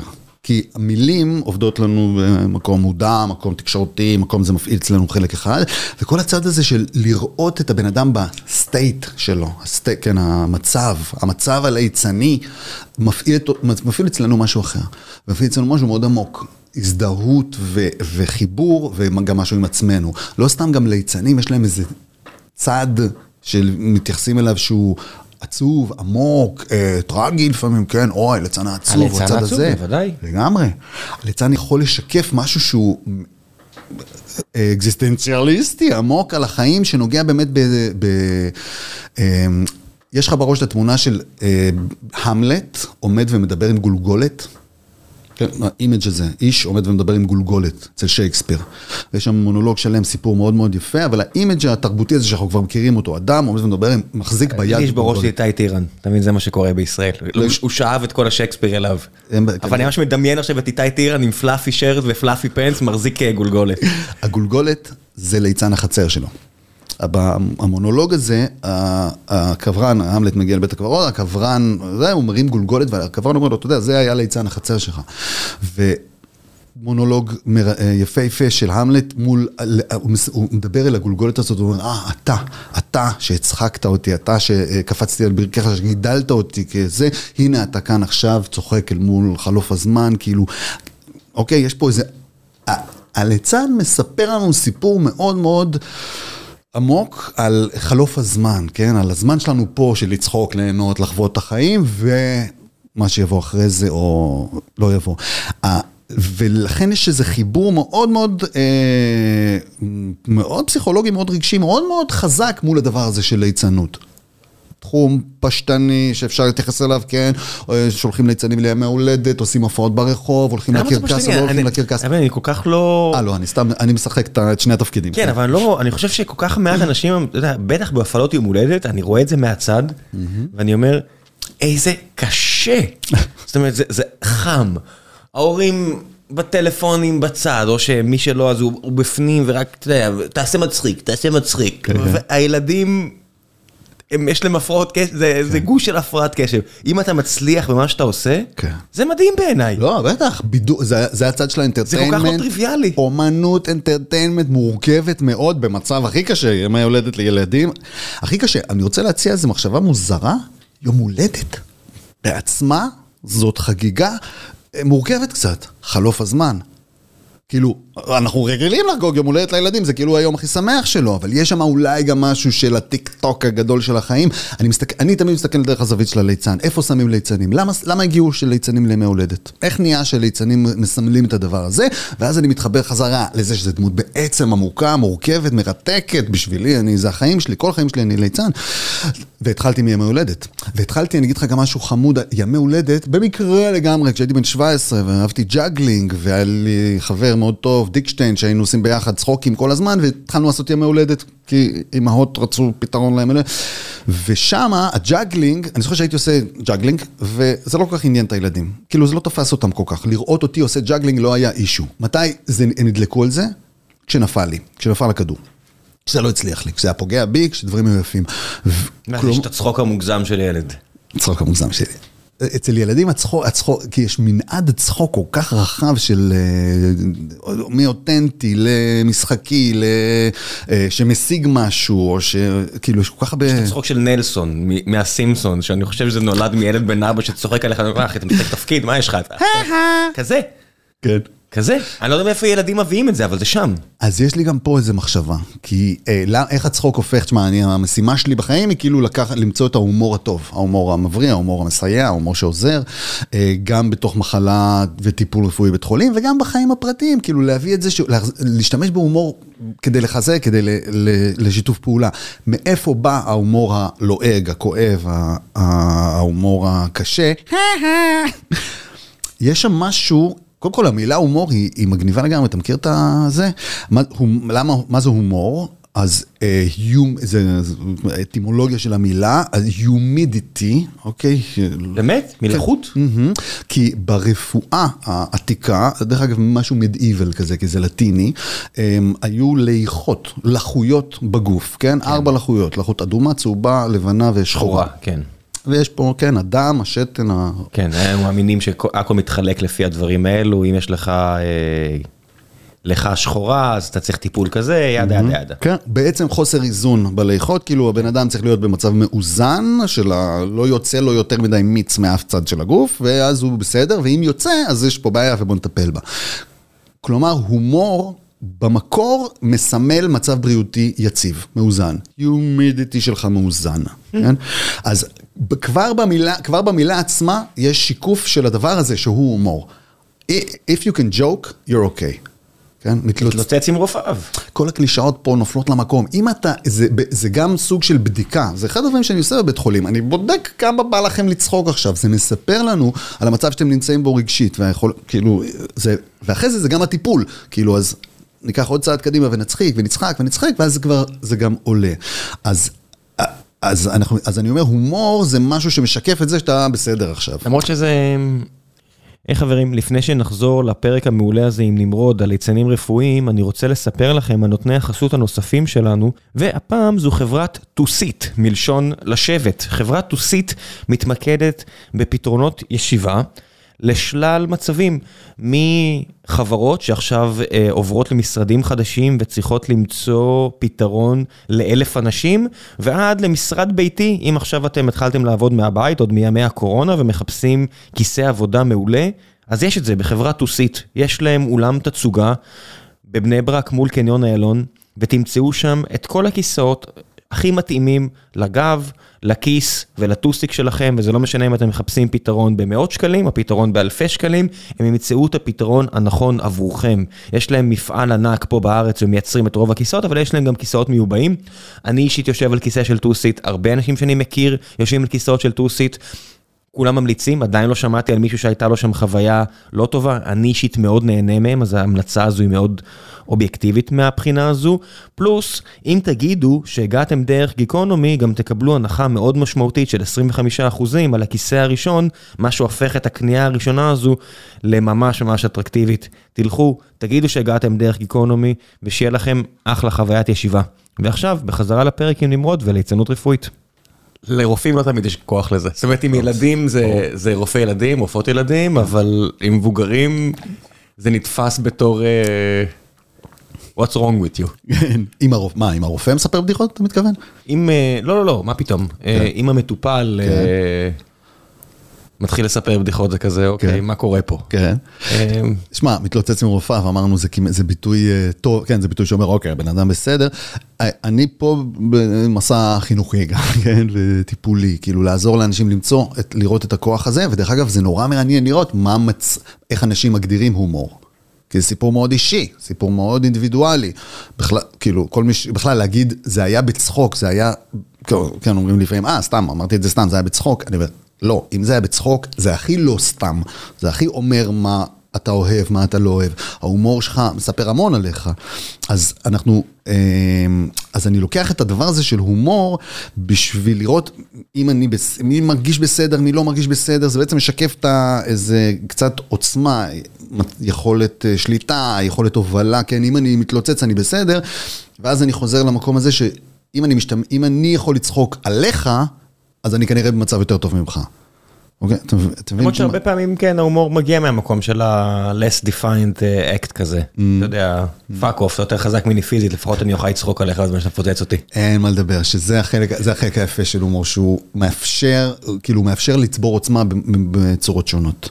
והוא מאפשר, ובגלל שאנחנו אה, אה, גמישים מאוד, עם המון צורות שונות של מה מצחיק אותנו, דרך אגב, זה פשוט... יש ערימה של תיאוריות על מה זה הומור, למה צוחקים, מה זה הצחוק, והרבה מהם מתעסקות בציפייה ושינוי מהציפייה, כן? אני ציפיתי לדבר אחד ואז קרה דבר אחר, וזה שחרר אצלי, הדיסוננס בין שניהם השתחרר אצלי בצחוק. דרך אגב, במקום בתסכול וכעס, כאילו, יש, זה, זה תבלין מקסים כזה שאפשר להשתמש בו כדי ל, להתמודד עם הדברים שלא מסתדרים לנו בחיים. כן, חבל שאי אפשר לעשות defuse להרבה סיטואציות, מישהו מתפוצץ עליך בתור, ואז אתה פשוט, לקחתי חטף. לקחתי חטף, תהיה כן. רגוע, אני אחזיר חטף אם תפסיק לצרוח פה. כן. זה תופעה מאוד ישראלית שאנחנו רואים דווקא הרבה פעמים, דווקא, דווקא בסופרים האלה ובריף בתור, ששניים צועקים, צועקים, צועקים, ואז בסוף, אה, זה, פותרים את זה במיטב, יאללה, זה, ופתאום יש פתרון של הומור, של הדבר הזה, של החיוך וההומור, כאילו, למצוקה. הלוואי שיכולנו להכניס את זה לעוד אה, שדות בחיים שלנו. אני עובד בית חולים. עזוב, בכל הלוואי שיכולתי לעבוד בכנסת. זה קיים, זה קיים כי בסופו של דבר זה WWE.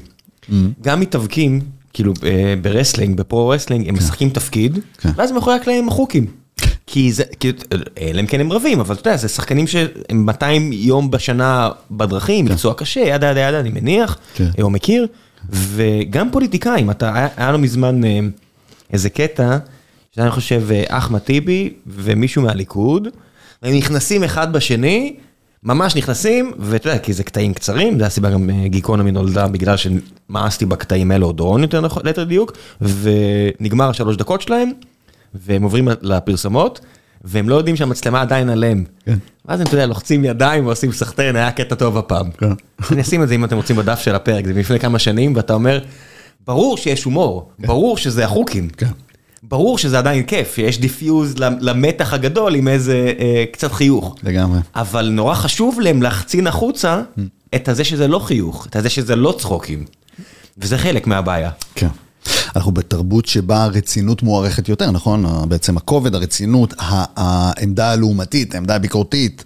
יש אנשים שמצליחים להחזיר, אתה יודע, אילון מאסקים של העולם, אתה יודע, האדם הכי עשיר בעולם, מתעקש להראות, why so serious, מתעקש להיות הג'וקר של העולם הזה. כן, כן. ואני מצד אחד לא תופס מזה, מצד שני, יש בזה משהו מאוד מדליק בעובדה של מה אתם כאלה רציניים, אפשר לחשוב כאילו מה קורה פה, אתה יודע, הכל זה בבלת הרי, יש כאלה עם יותר מזל, יש כאלה עם פחות מזל, ברור שיש מקצועיות והכל, אבל עדיין, אתה מסתכל, אתה יודע, מיליארדר כמו סורוס עשה את הכסף לו על כמה מטבעות, השני פישמן פישל בכמה מטבעות, אז הנה אחד גיבור, השני נבל, בסדר, המציאות הרבה פעמים על חודו של מטבע, זה די מצחיק. כן.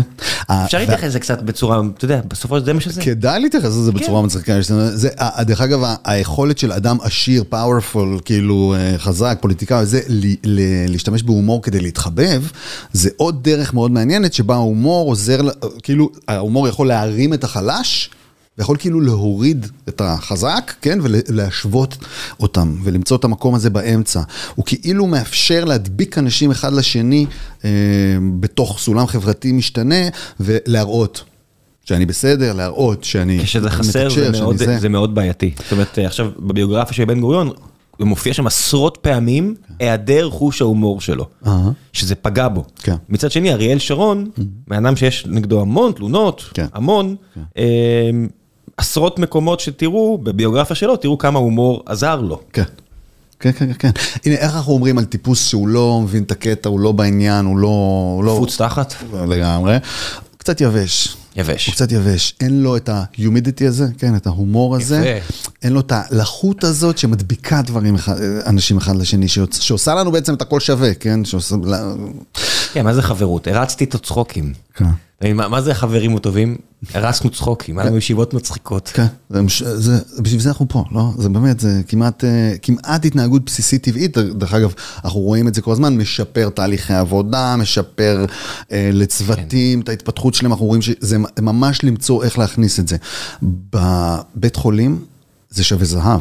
זה שווה זהב. זה זה, זה בעצם מה שאנחנו, למה ליצנים, למה, למה ליצנים לבית חולים? אני, השאלה הבסיסית הזאת, כל הזמן, אני כל הזמן מחפש לה את העוד תשובות, כי אנחנו רואים שבו, גם בכל טיפול ב, בילדים, גם אחרי שהוא בריא, אם הוא לא שמח מזה, אז מה הטעם? מה הטעם? וגם כשהוא חולה ובאמת במצבים מאוד קשים ומאוד מורכבים, דרך אגב לילדים יש את היכולת המופלאה הזאת לצחוק ולשמוח ולהתחבר מאוד, גם במצבים מאוד מאוד לא נעימים וקשים אובייקטיבית, ואז אתה אומר, אוקיי, זה... זה, זה משנה את המצב לכל הסביבה. כן, בגלל זה שאלתי על האחוז הורים לילדים, כי אני אומר, בסופו של דבר, אולי הדבר הכי טוב שאתה יכול לעשות זה להביא חיבוק לאמא. אה, לגמרי. או חיבוק לאבא, אתה יודע של... רק שהוא יקבל איזה מפלט רגשי לכמה דקות. הרבה מאוד מהעבודה שלנו היא מול ההורים, גם כי ההשפעה, גם כי להורה יש כאילו רצון, passion מאוד גדול למצוא איך לשנות את המצב, להביא שמחה ולזה, והוא פרטנר מצוין לליצנות, גם כי זה מחבר ביחד את היחידה הזאת, את הילד ואת ההורה, ובסוף זה מה שאני רוצה לעשות, אני רוצה אימפקט. אני בעצם מעניין אותי מה נשאר בחדר אחרי שהליצן יוצא.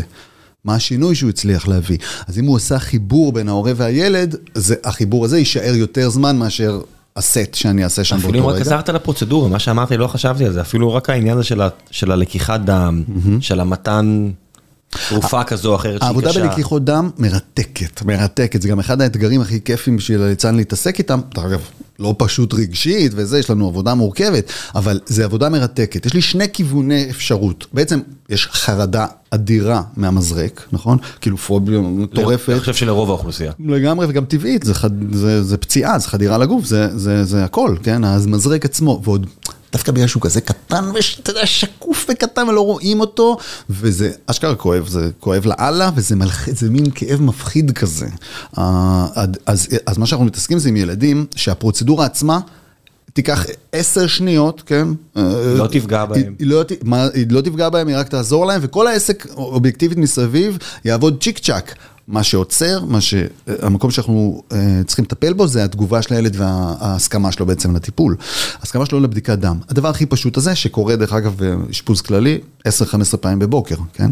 לחצי מהילדים שם לוקחים דם כל יום.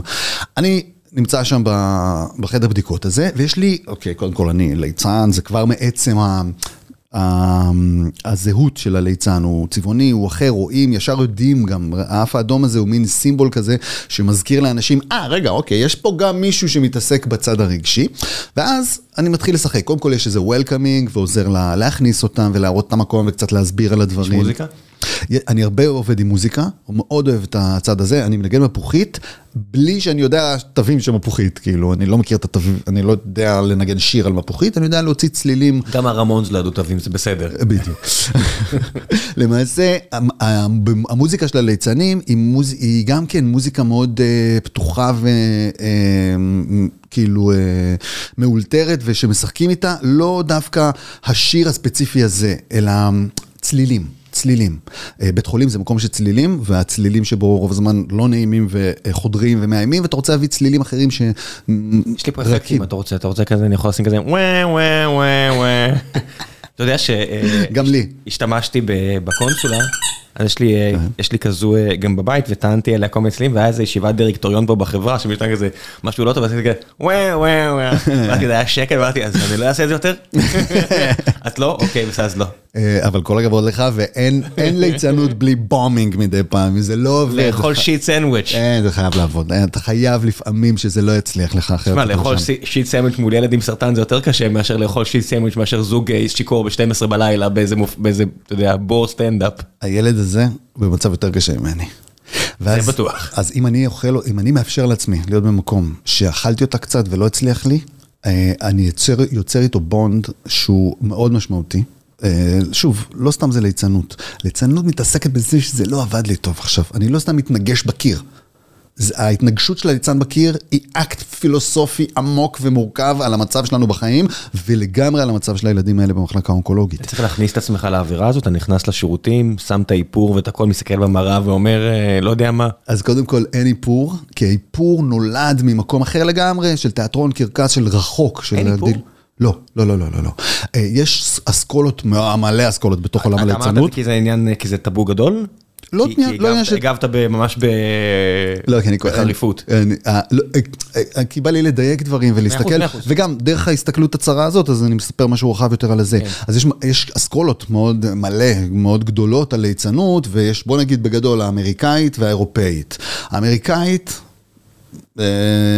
רונלד מקדונלד וג'וקר וליצנים כאלה שבהם באמת קרסטי, קרסטי, איפור מאוד כבד, בעצם דמות חיצונית שהיא כמו מוצר חיצוני שאני נכנס לתוכו, אני לומד אותו ואני נהיה הליצן הזה, אני נהיה בוזו, אני נהיה tramp, כן, נווד, ליצן משוטט, יש משפחה של ליצנים שאני לומד אותם, ring master, נכנס לתוכו. האסכולה האירופאית, עולם אחר לגמרי. בוא נגיד בין אה, מיסטר בין, סתם בדברים שאנשים יכירו, אז בין מיסטר בין וצ'רלי צ'פלין, בטח. אה, צ'פלין, דרך אגב, השפם זה קצת האף.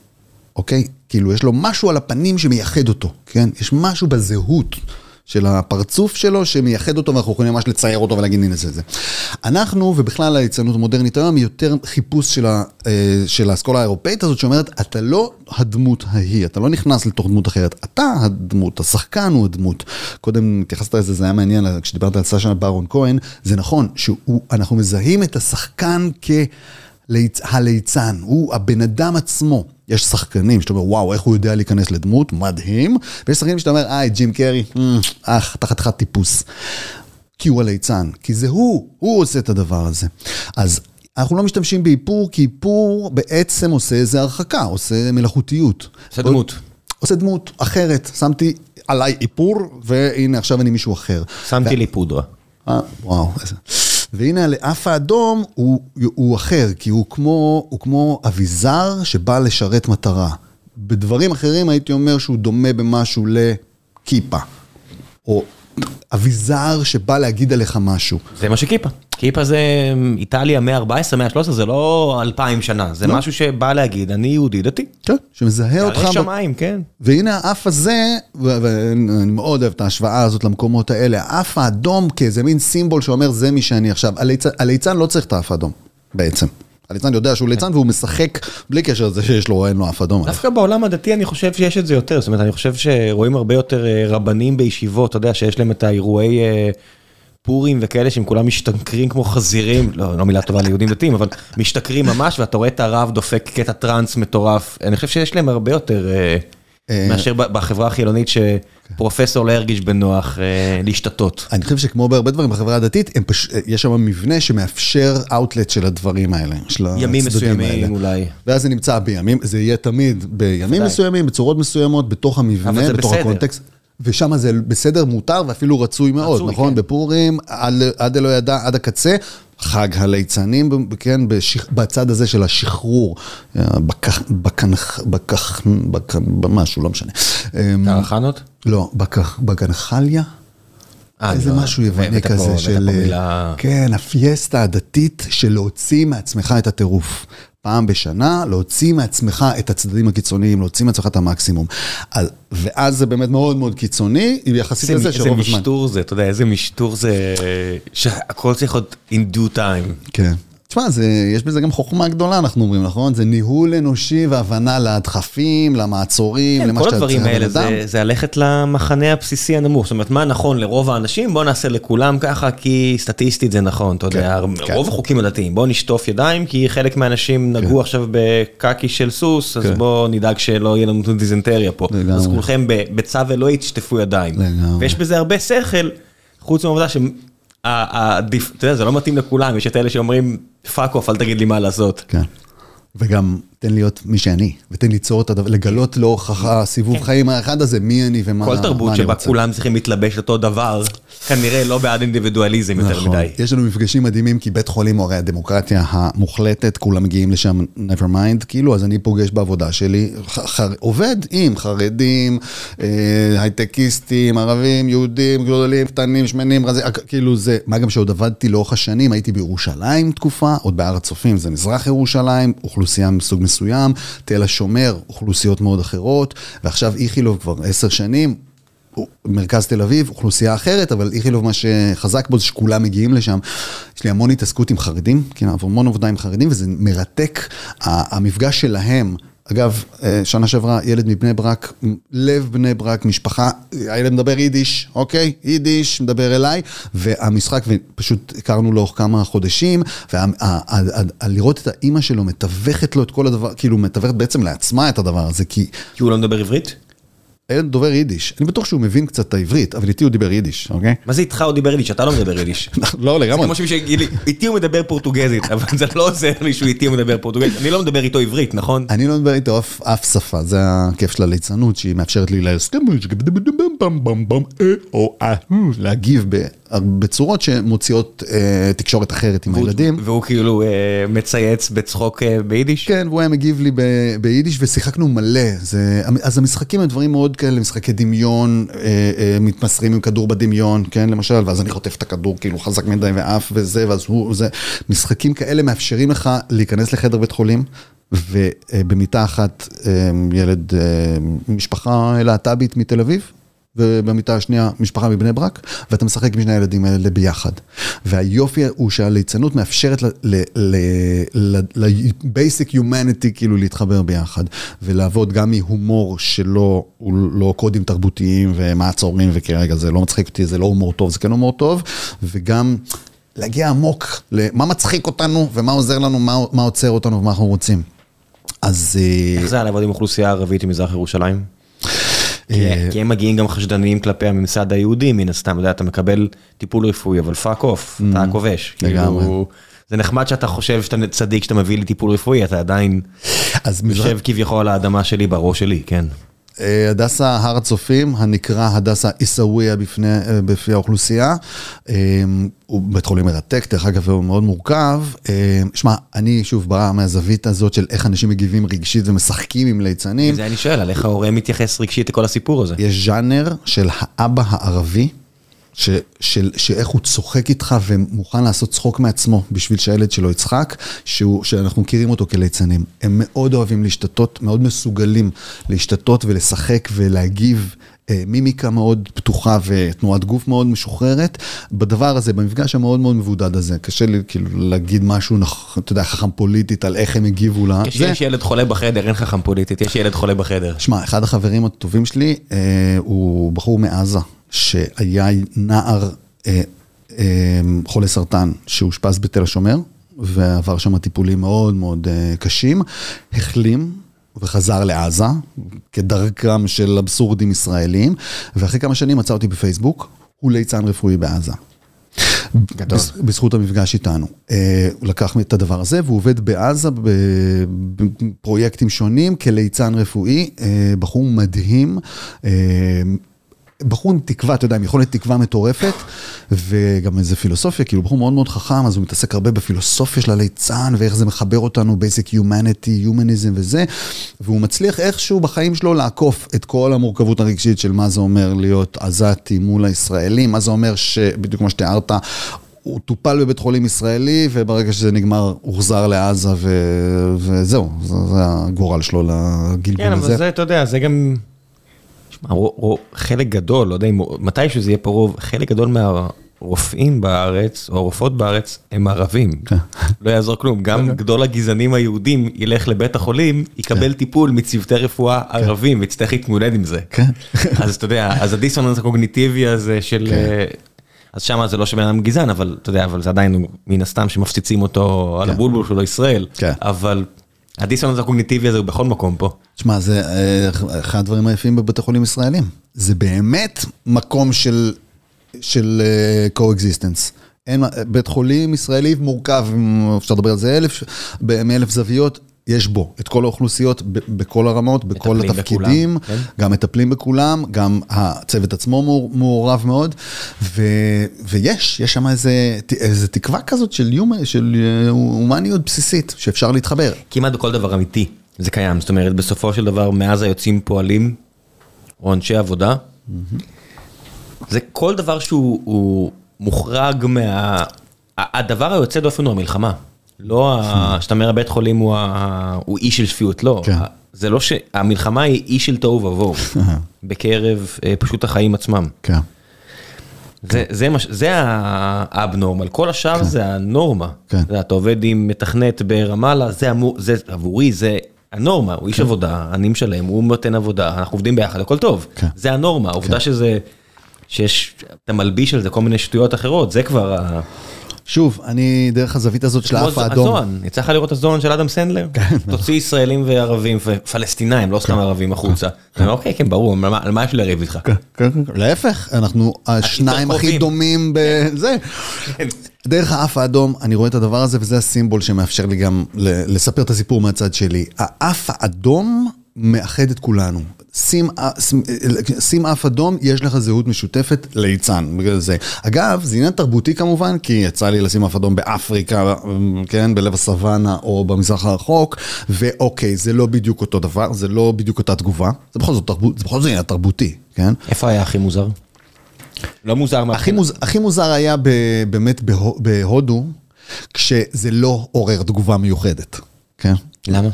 זה, זה, זה היה עוד משהו מוזר, הם יש להם טיקה פה, כן? הוא שם אצבע בין העיניים, כן. כן, כן, יש, יש לו, הוא יש לו נקודה אדומה, או היא יש לה נקודה אדומה ב- באמצע המצח, אני יש לי נקודה אדומה על האף. אוקיי, big deal. כאילו, הרגשנו שם כמו עוד שבט מוזר, כאילו, ואני לבוש, ליצן, עוד- עוד הכל. קאסטה. עוד קאסטה משונה, אנחנו לא בדיוק מכירים אותך, אתה כנראה מההרים שלך, אז אתה אוקיי, בסדר, קיבלו...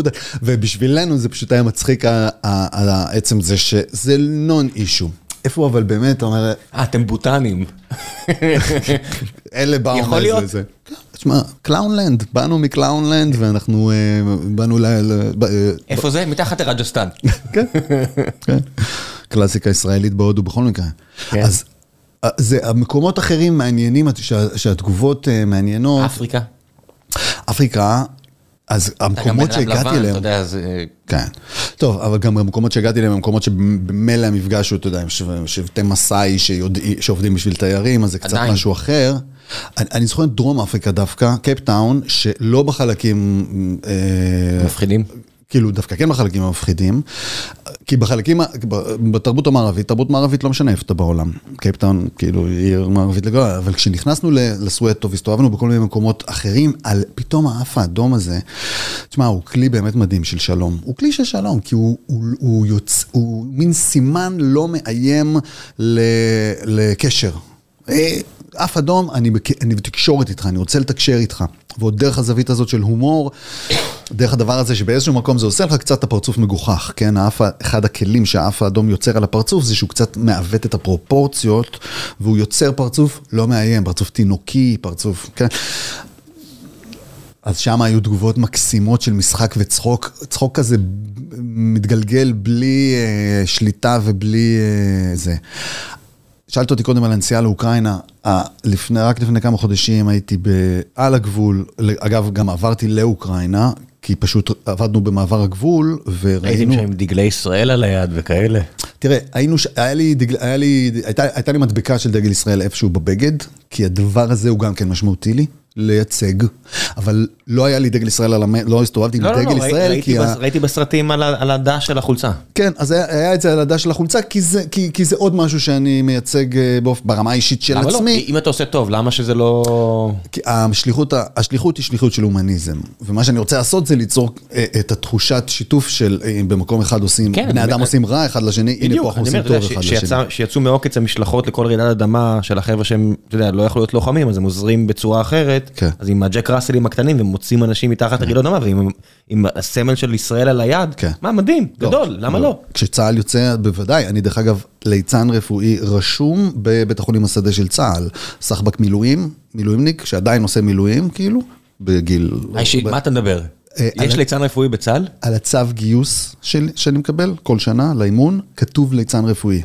העובדה שהמחשב הצה"לי יודע להדפיס את המילים ליצן רפואי, היא עדות לכמה צה"ל זה ארגון בעצם גמיש ומסוגל להשתנות. לא, צה"ל ארגון ממש. גמיש, על מה אתה מדבר? אני אומר, אני מספר לך שאחד התפקידים שלי הוא ליצן רפואי במחלקת בריאות הנפש של בית החולים שדה של צה"ל, זה שיוצא לרעידות אדמה ודברים כאלה, כי מחלקת בריאות הנפש עוסקת בסיוע אוקיי, רגשי אוקיי. זה לאוכלוסייה. לא שאתה בא לחייל עכשיו שטיל העיף לו את הרגל ואתה עושה לו קוקו.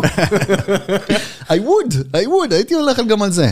Uh, באימונים שלנו, דרך אגב, זה חיילים, יש, אתה מכיר את הגדוד הזה, את היחידה הזאת, בית החולים הזה של צה"ל, עובדים ביחד עם... אה, לא, לא, אני. כי זה היה חלק אחר ביחידה, אני לא, גם עברו לא. 20 שנה, אבל אני אני יודע על מה מדובר. אתה יודע על מה מדובר. כן, פיקוד העורף, כת- נכון. כתה כתומה, עוזרים לאנשים ברחבי העולם, בארץ, כן. נכון, אז אני בחיל רפואה, כי אני בתוך הבית חולים שדה, זה תמיד משלחות משולבות כאלה, פיקוד אלמנטים שונים, ולפני שבע שנים, נפאל, רעידת אדמה אה, ענקית מטורפת, יצאנו לשם כעמותה חיצונית עצמאית אה, מרצוננו ועל חשבוננו, ופשוט עבדנו ביחד עם הבית חולים שדה של צה"ל שישב שם, כי אנחנו מכירים את הרופאים והאחיות מהעבודה בבית חולים. חזרנו משם, קיבלנו זימון ל- לאימון המיידי שהם עשו מיד אחרי זה, כי הם אמרו, זהו, ראינו את זה עובד בשטח. עזרתם, עשיתם שינוי, הייתם אה, משמעותיים, גם למטופלים, כאילו לעזור, שוב, נפאלים שמגיעים לרעידת אדמה היא בעיקר אה, אורתופדיה, כן? בעיקר כריתות איברים, סיפור, כאילו אה, עבודה מאוד מאוד מורכבת רפואית. אה, הצלחתם להביא שינוי, בואו לאימון. הגענו לאימון, בשלב הראשון זה היה, אוקיי, רוח הדדי, איך עושים את הדבר הזה. משנה אחרי זה, אה, רישום מלא. אני ליצן רפואי רשום בבית חולים שדה, וזה מגיע בצו גיוס, אני חולה על הצו גיוס הזה, שזה מודפס שם. שם עוד זווית על איך אפשר להביא את הליצנות הזאת, אז למשל בגבול אוקראינה, מה, ש, מה שהרגשנו מאוד מאוד חזק זה את החיבור הזה עם הילדים ועם משפחות, באמת בלי אף שפה, לא רק אף, בלי מילה משותפת בדיבור, וגם חיבור עולה על כל היגיון, כאילו, אה, אנשים שנמלטו, הפליטים ש... יוצאים מאוקראינה, הם עוברים את מעבר הגבול, מיד אה, יש להם סיוע אה, מעשי של שלטרס ואוכל וכיווני, כיווני, כאילו מקומות להגיע אליהם וככה, ואני הייתי עומד שם, כאילו אנחנו עבדנו על, על המעבר הגבול הזה. היכולת של אנשים, דווקא במצב הכי קשה שיש להם, לצחוק ולהתחבר למשהו כל כך אבסורדי וכל כך אה, הזוי, דווקא ברגעים הכי קשים, אה, זה, זה היה מדהים, זה פשוט היה מדהים, וזה עורר איזה משהו שהוא מאוד מאוד עמוק, הצחוק שאין לו בכלל סיבה. שהוא צחוק באמת של שחרור וחיבור אה, אה, חיובי ו, אה, אה, של בן אדם לבן אדם. כן, זה גם הרבה, אתה יודע שיש הרבה הרבה הרבה הרבה סטרס. צריך למצוא על מה לצחוק קצת. לגמרי. וכשיש אה, צורך מאוד גדול, אז גם כל טיפה שווה המון. אה, וליצנות במובן הזה היא הומאופתית, כי זה בא לעשות איזו פעולה עכשיו, שאני באמונה שלי וגם בכוונה ובמטרות שלי, בצורה שבה אני עובד ואיך אני מכוון את כל המשחק בינינו, ימשיך וישפיע ויעשה שינוי בהמשך או בהרבה דרכים שונות לבן אדם שאולי לא אפגוש יותר. אמ, זה גם הקרקס, כן, הקרקס במקור, היה מסתובב ממקום למקום, מגיע, נותן הופעה קצת, כאילו הופעה אחת וממשיך למקום אחר. אתה עדיין עושה juggling וכאלה? כן, בטח. העניין הזה של הטכניקה העילאית, שאתה אדם אומר, טוב, זה מה שאני לא יודע לעשות, איזה מעניין, כן. עדיין, זה עובד? תשמע, זה ספורט מדהים. אני ממליץ כל הזמן לחפש חוגי קרקס, כי זה פשוט עין, ספורט נפלא. כן, כן. קואורדינציה, ספורט פיזי של, של תנועה, כן. אה, אתגר אישי. אה, juggling הוא לשים מטרות מאוד פשוטות, כן, להצליח להרים מעל הראש, מאחורי הגב, מתחת לרגל, לעבוד, לעבוד, לעבוד, ואז אופס, זה מצליח. אז אני גם עדיין עושה juggling בעצמי, אפילו פיזיותרפיה, כשהיה לי פציעה בכתף. הפיזיותרפיה שלי, חוץ מזה שהלכתי לפיזיותרפיסט, היה, jugg, היה דרך juggling, וזה עבד מדהים. אה, ואני גם עדיין מופיע בקרקס, יש קרקס ישראלי מקסים, אה, קרקס דורטו שיושב באשדוד, חבר'ה רוסים במקור, אה, אגב אוקראינים חלקם, וזה, שמביאים את הרוח הזאת של הקרקס של פעם. יותר אי אפשר להגיד את זה. למה? חבר'ה רוסים אוקראינים. אגב אוקראינים. אגב אוקראינים. כן, אני חושב שהם, אני חושב שזהו, נגמר הסיפור.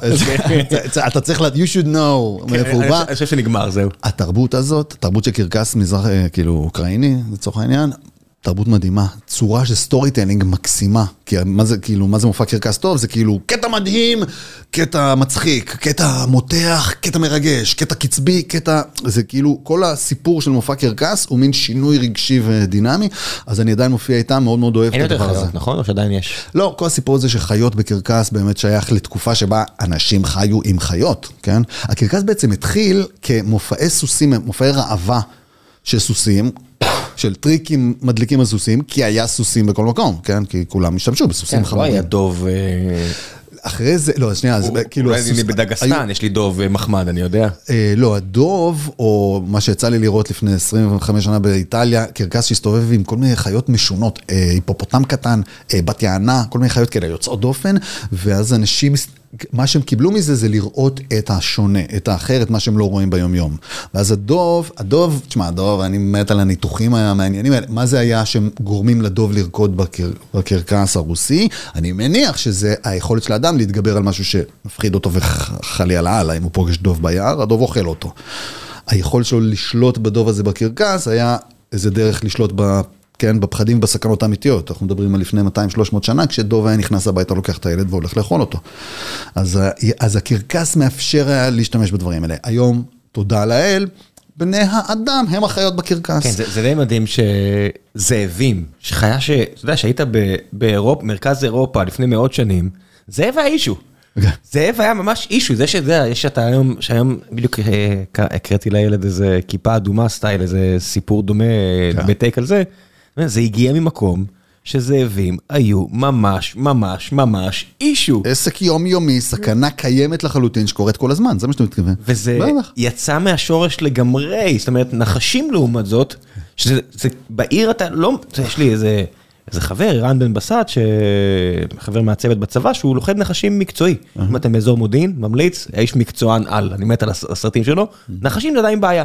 כן. אבל הפחד מנחשים הוא לא באמת מתקשר לזה שאתה באמת מפחד שנחש יהיה לך באמצע העיר. אם אתה כן. גר באזור שיותר קרוב לטבע, אז כן. כן. במרכז תל אביב, לא יודע, אין, אז זאת- ועדיין יש פחד מנחשים. זאב, לעומת זאת, הפחד נגמר. נעלם לגמרי. את החלק הזה ניצחנו, פתרנו. חיית הטרף האחרונה ששולטת בנו זה היתושים, ואני מדבר איתך עכשיו מהלילה הזה של היתושים, זה, זאת החיה האחרונה שעוד אנחנו נלחמים בה בשיניים, יום יום, כאילו בתל אביב, זה כל הזמן.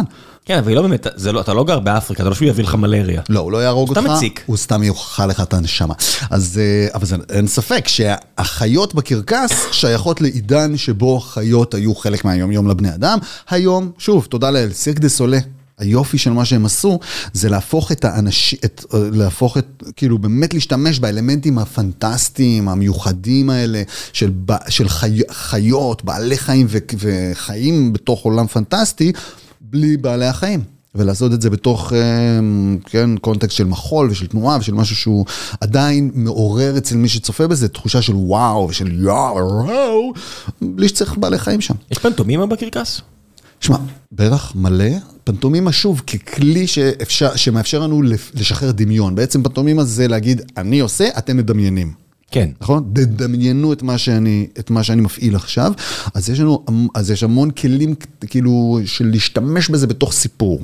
יש, זה מרגיש כאילו פנטומימה היה מאוד חזק לכמה עשרות שנים ודעך מאוד מאוד. זאת אומרת, כמו שיש, אתה יודע, שאתה רוצה לבחור שם נגיד אה, לילד, אתה רואה בגוגל את ה Google trend, יש אה, כן. הופעה של שמות, אז נגיד אנחנו בחרנו בשם ברי, אז אתה רואה כזה, במאה ה-19 היה הרבה, שנות ה-60 איזה peak, ואז דעך, מה, אמרתי מגניב, שיהיה מיוחד, אחלה לי. כן. פנטומימה, אני מניח שאם היו עושים את הגרף הזה, נעלם נגמר. כמעט לגמרי. כן. זאת אומרת, אתה לא רואה יותר פנטומימאים, וזה משהו שנראה לי שאתה מאוד אוהב. כן. אני מאוד מאמין בו, מת עליו, והוא באמת מייצר משהו מדליק נורא אה, בצופה, אצל הצופה.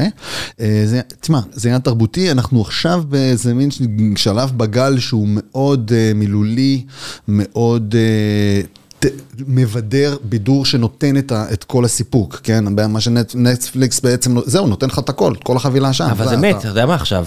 טיק טוק, וזה בלי מילים, טיק טוק זה רק ריקוד, רק מימיקות. כן. זאת אומרת, אני ואתה פשוט, כן. כי אנחנו לא שם, אז אני מסתכל על זה מהצד. כן, אני כן. עובד עם זה, אז אז אני מכיר את זה עכשיו קצת, אבל כן. כשאני רואה את זה, אני ממש רואה את השינוי בין מה שאני ואתה עכשיו עושים פה, בסדר, זה יגיע לעשרת אלפים אנשים, נחמד, לי זה כיף.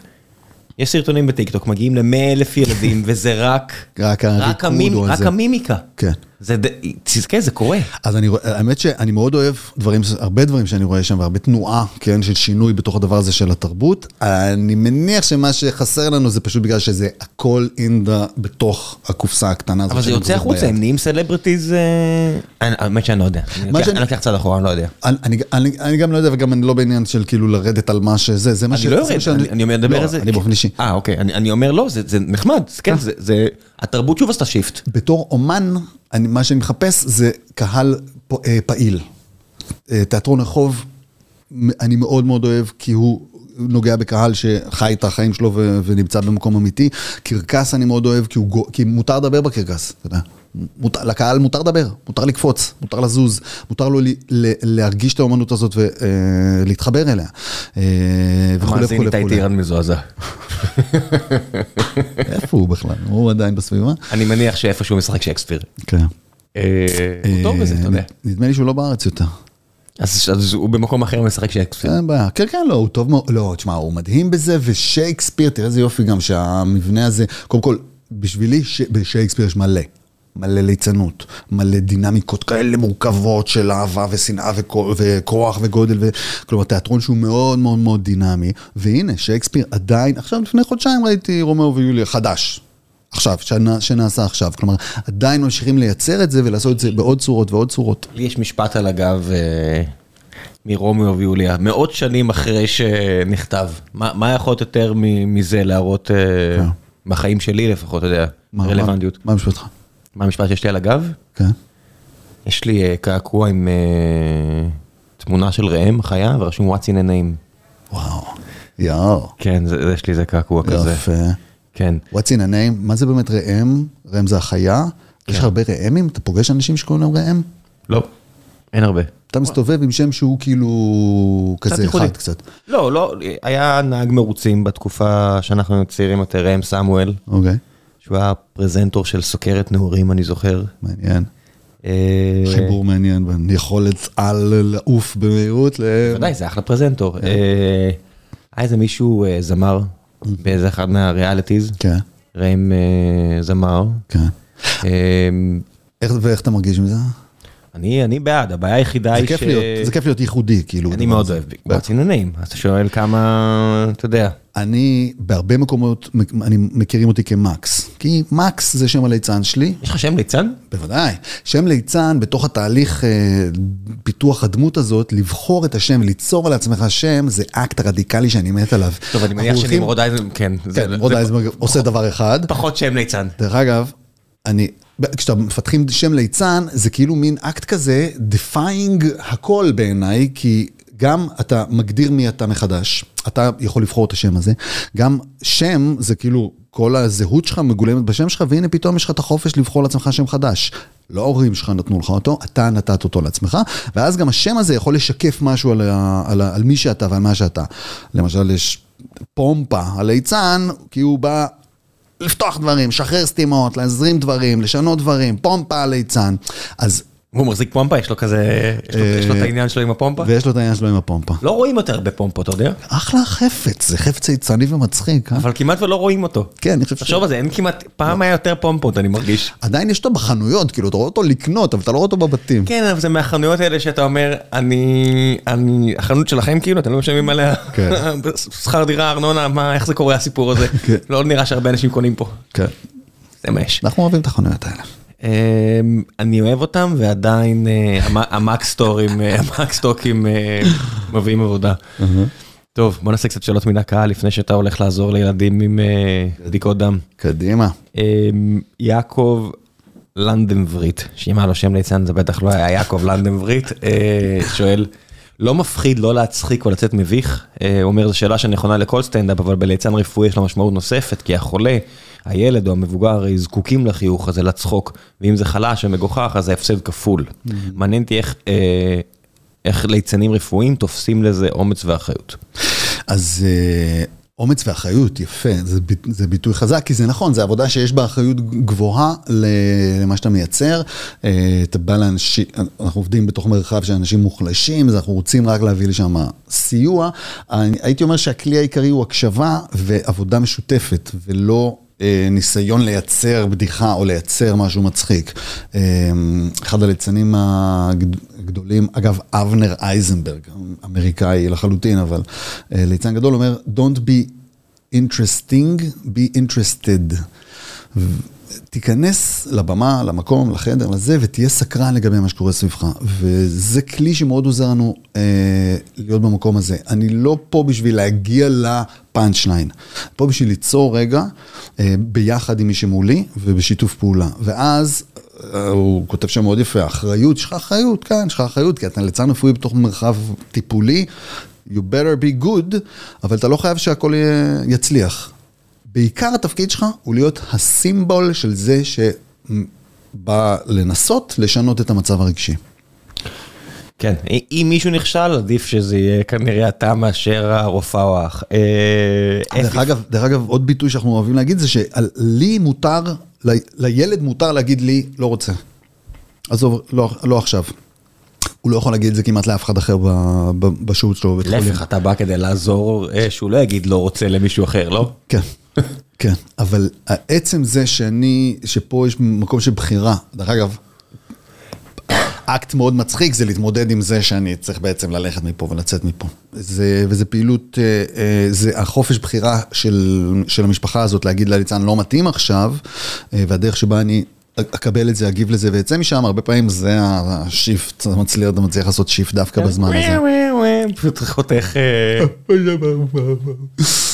יש. יש חפצים שאתה עובד איתם? זאת אומרת, לא יודע, נגיד, ילדים צריכים נגיד את המוצצי שלהם שירגיע אותם, אבל אם אתה פתאום מביא לו איזה משהו להחזיק, איזה כרית או משהו שעושה פלו, פלוצים. אה, לגמרי, תשמע, אה, אה, יש עולם שלם של אביזרים, מזווד, מזוודה של ליצן, יש שם אלמנט, כאילו מלא דברים, אז אני, יש לי מזרק מצפצף מצחיק כזה שהוא מצעצוע, שהופך את הזריקה לצעצוע. פעם להחזיק משהו ביד הרבה פעמים עוזר. הדבר המקסים הזה, הבנאלי כל כך, מחזיק, מחזיק ברווז גומי קטן. לגמרי, מאפשר אה, לעשות מיליון דברים החל מהד...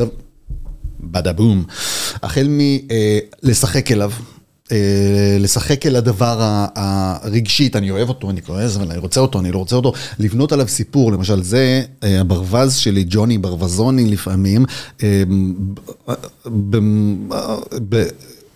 לכם יש סרטן, לי יש ברווז. הבדיחה הזאת, או האפשרות לגעת בדבר הזה, לא ככה, לא, כן, אני כאילו מפשט את זה פה כי זה, אנחנו במקום מילולי, אבל עצם המשחק הזה שיש לי עם חיה שהיא ברווז במחלקת סרטן, מאפשר לי לעשות משהו פילוסופי מעניין סביב הדבר הזה, ו...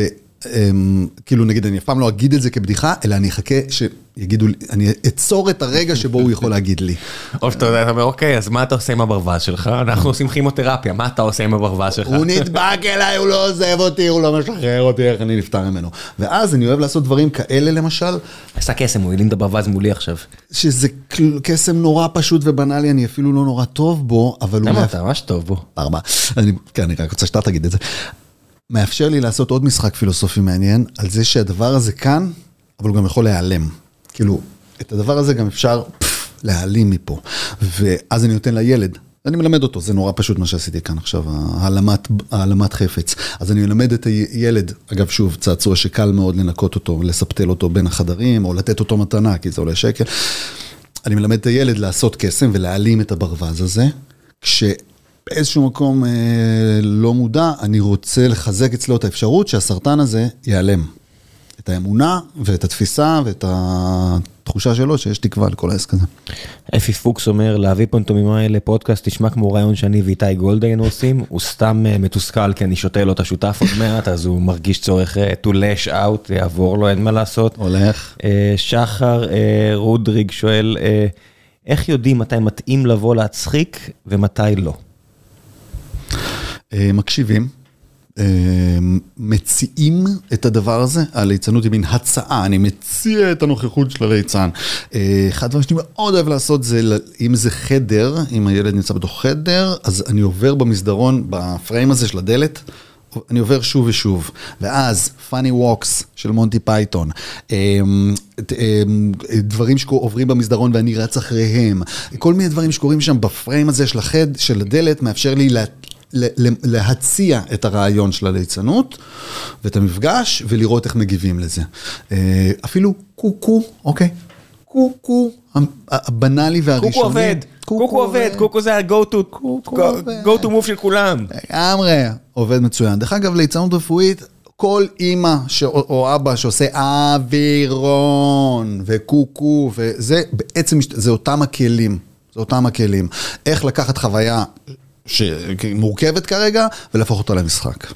כן, זה סופר חשוב בכל סיטואציה. אני חושב שגם מבוגרים צריכים לעשות קוקו כאמור. גם. אה, אה, שחר ממשיך ושואל, מי המעסיק שלך בבית החולים? זה, זה בית החולים שהוא מסבסד את זה? זה עמותה שדואגת לכם? זאת אומרת, איך המערכת יחסים בין בית החולים לליצנים? אז אנחנו נמצאים במקום המתקדם ביותר בעולם, בקשר, בישראל פה, בקשר בין הליצנים לבית החולים, כי, אנחנו, כי הליצנים מועסקים על ידי בית החולים.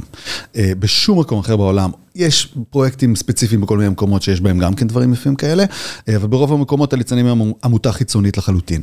הליצנים שלנו מועסקים על ידי בית החולים, אבל כמובן, זה אנחנו עוד לא, ש- אנחנו רק 20 שנה מקדמים את הנושא הזה, זה עוד לא, עוד לא מספיק זמן בשביל לה, להכניס תחום שלם חדש כזה, אז העמותה עדיין תורמת כסף, אה, תקציבים לבית החולים, בתי החולים כולם משתתף, משתתפים במאצ'ינג בצורות שונות במימון של העבודה של הליצנים, שוב, רק גם הפרטיים, גם הסוטות למיניהם? אסותא בעיקר.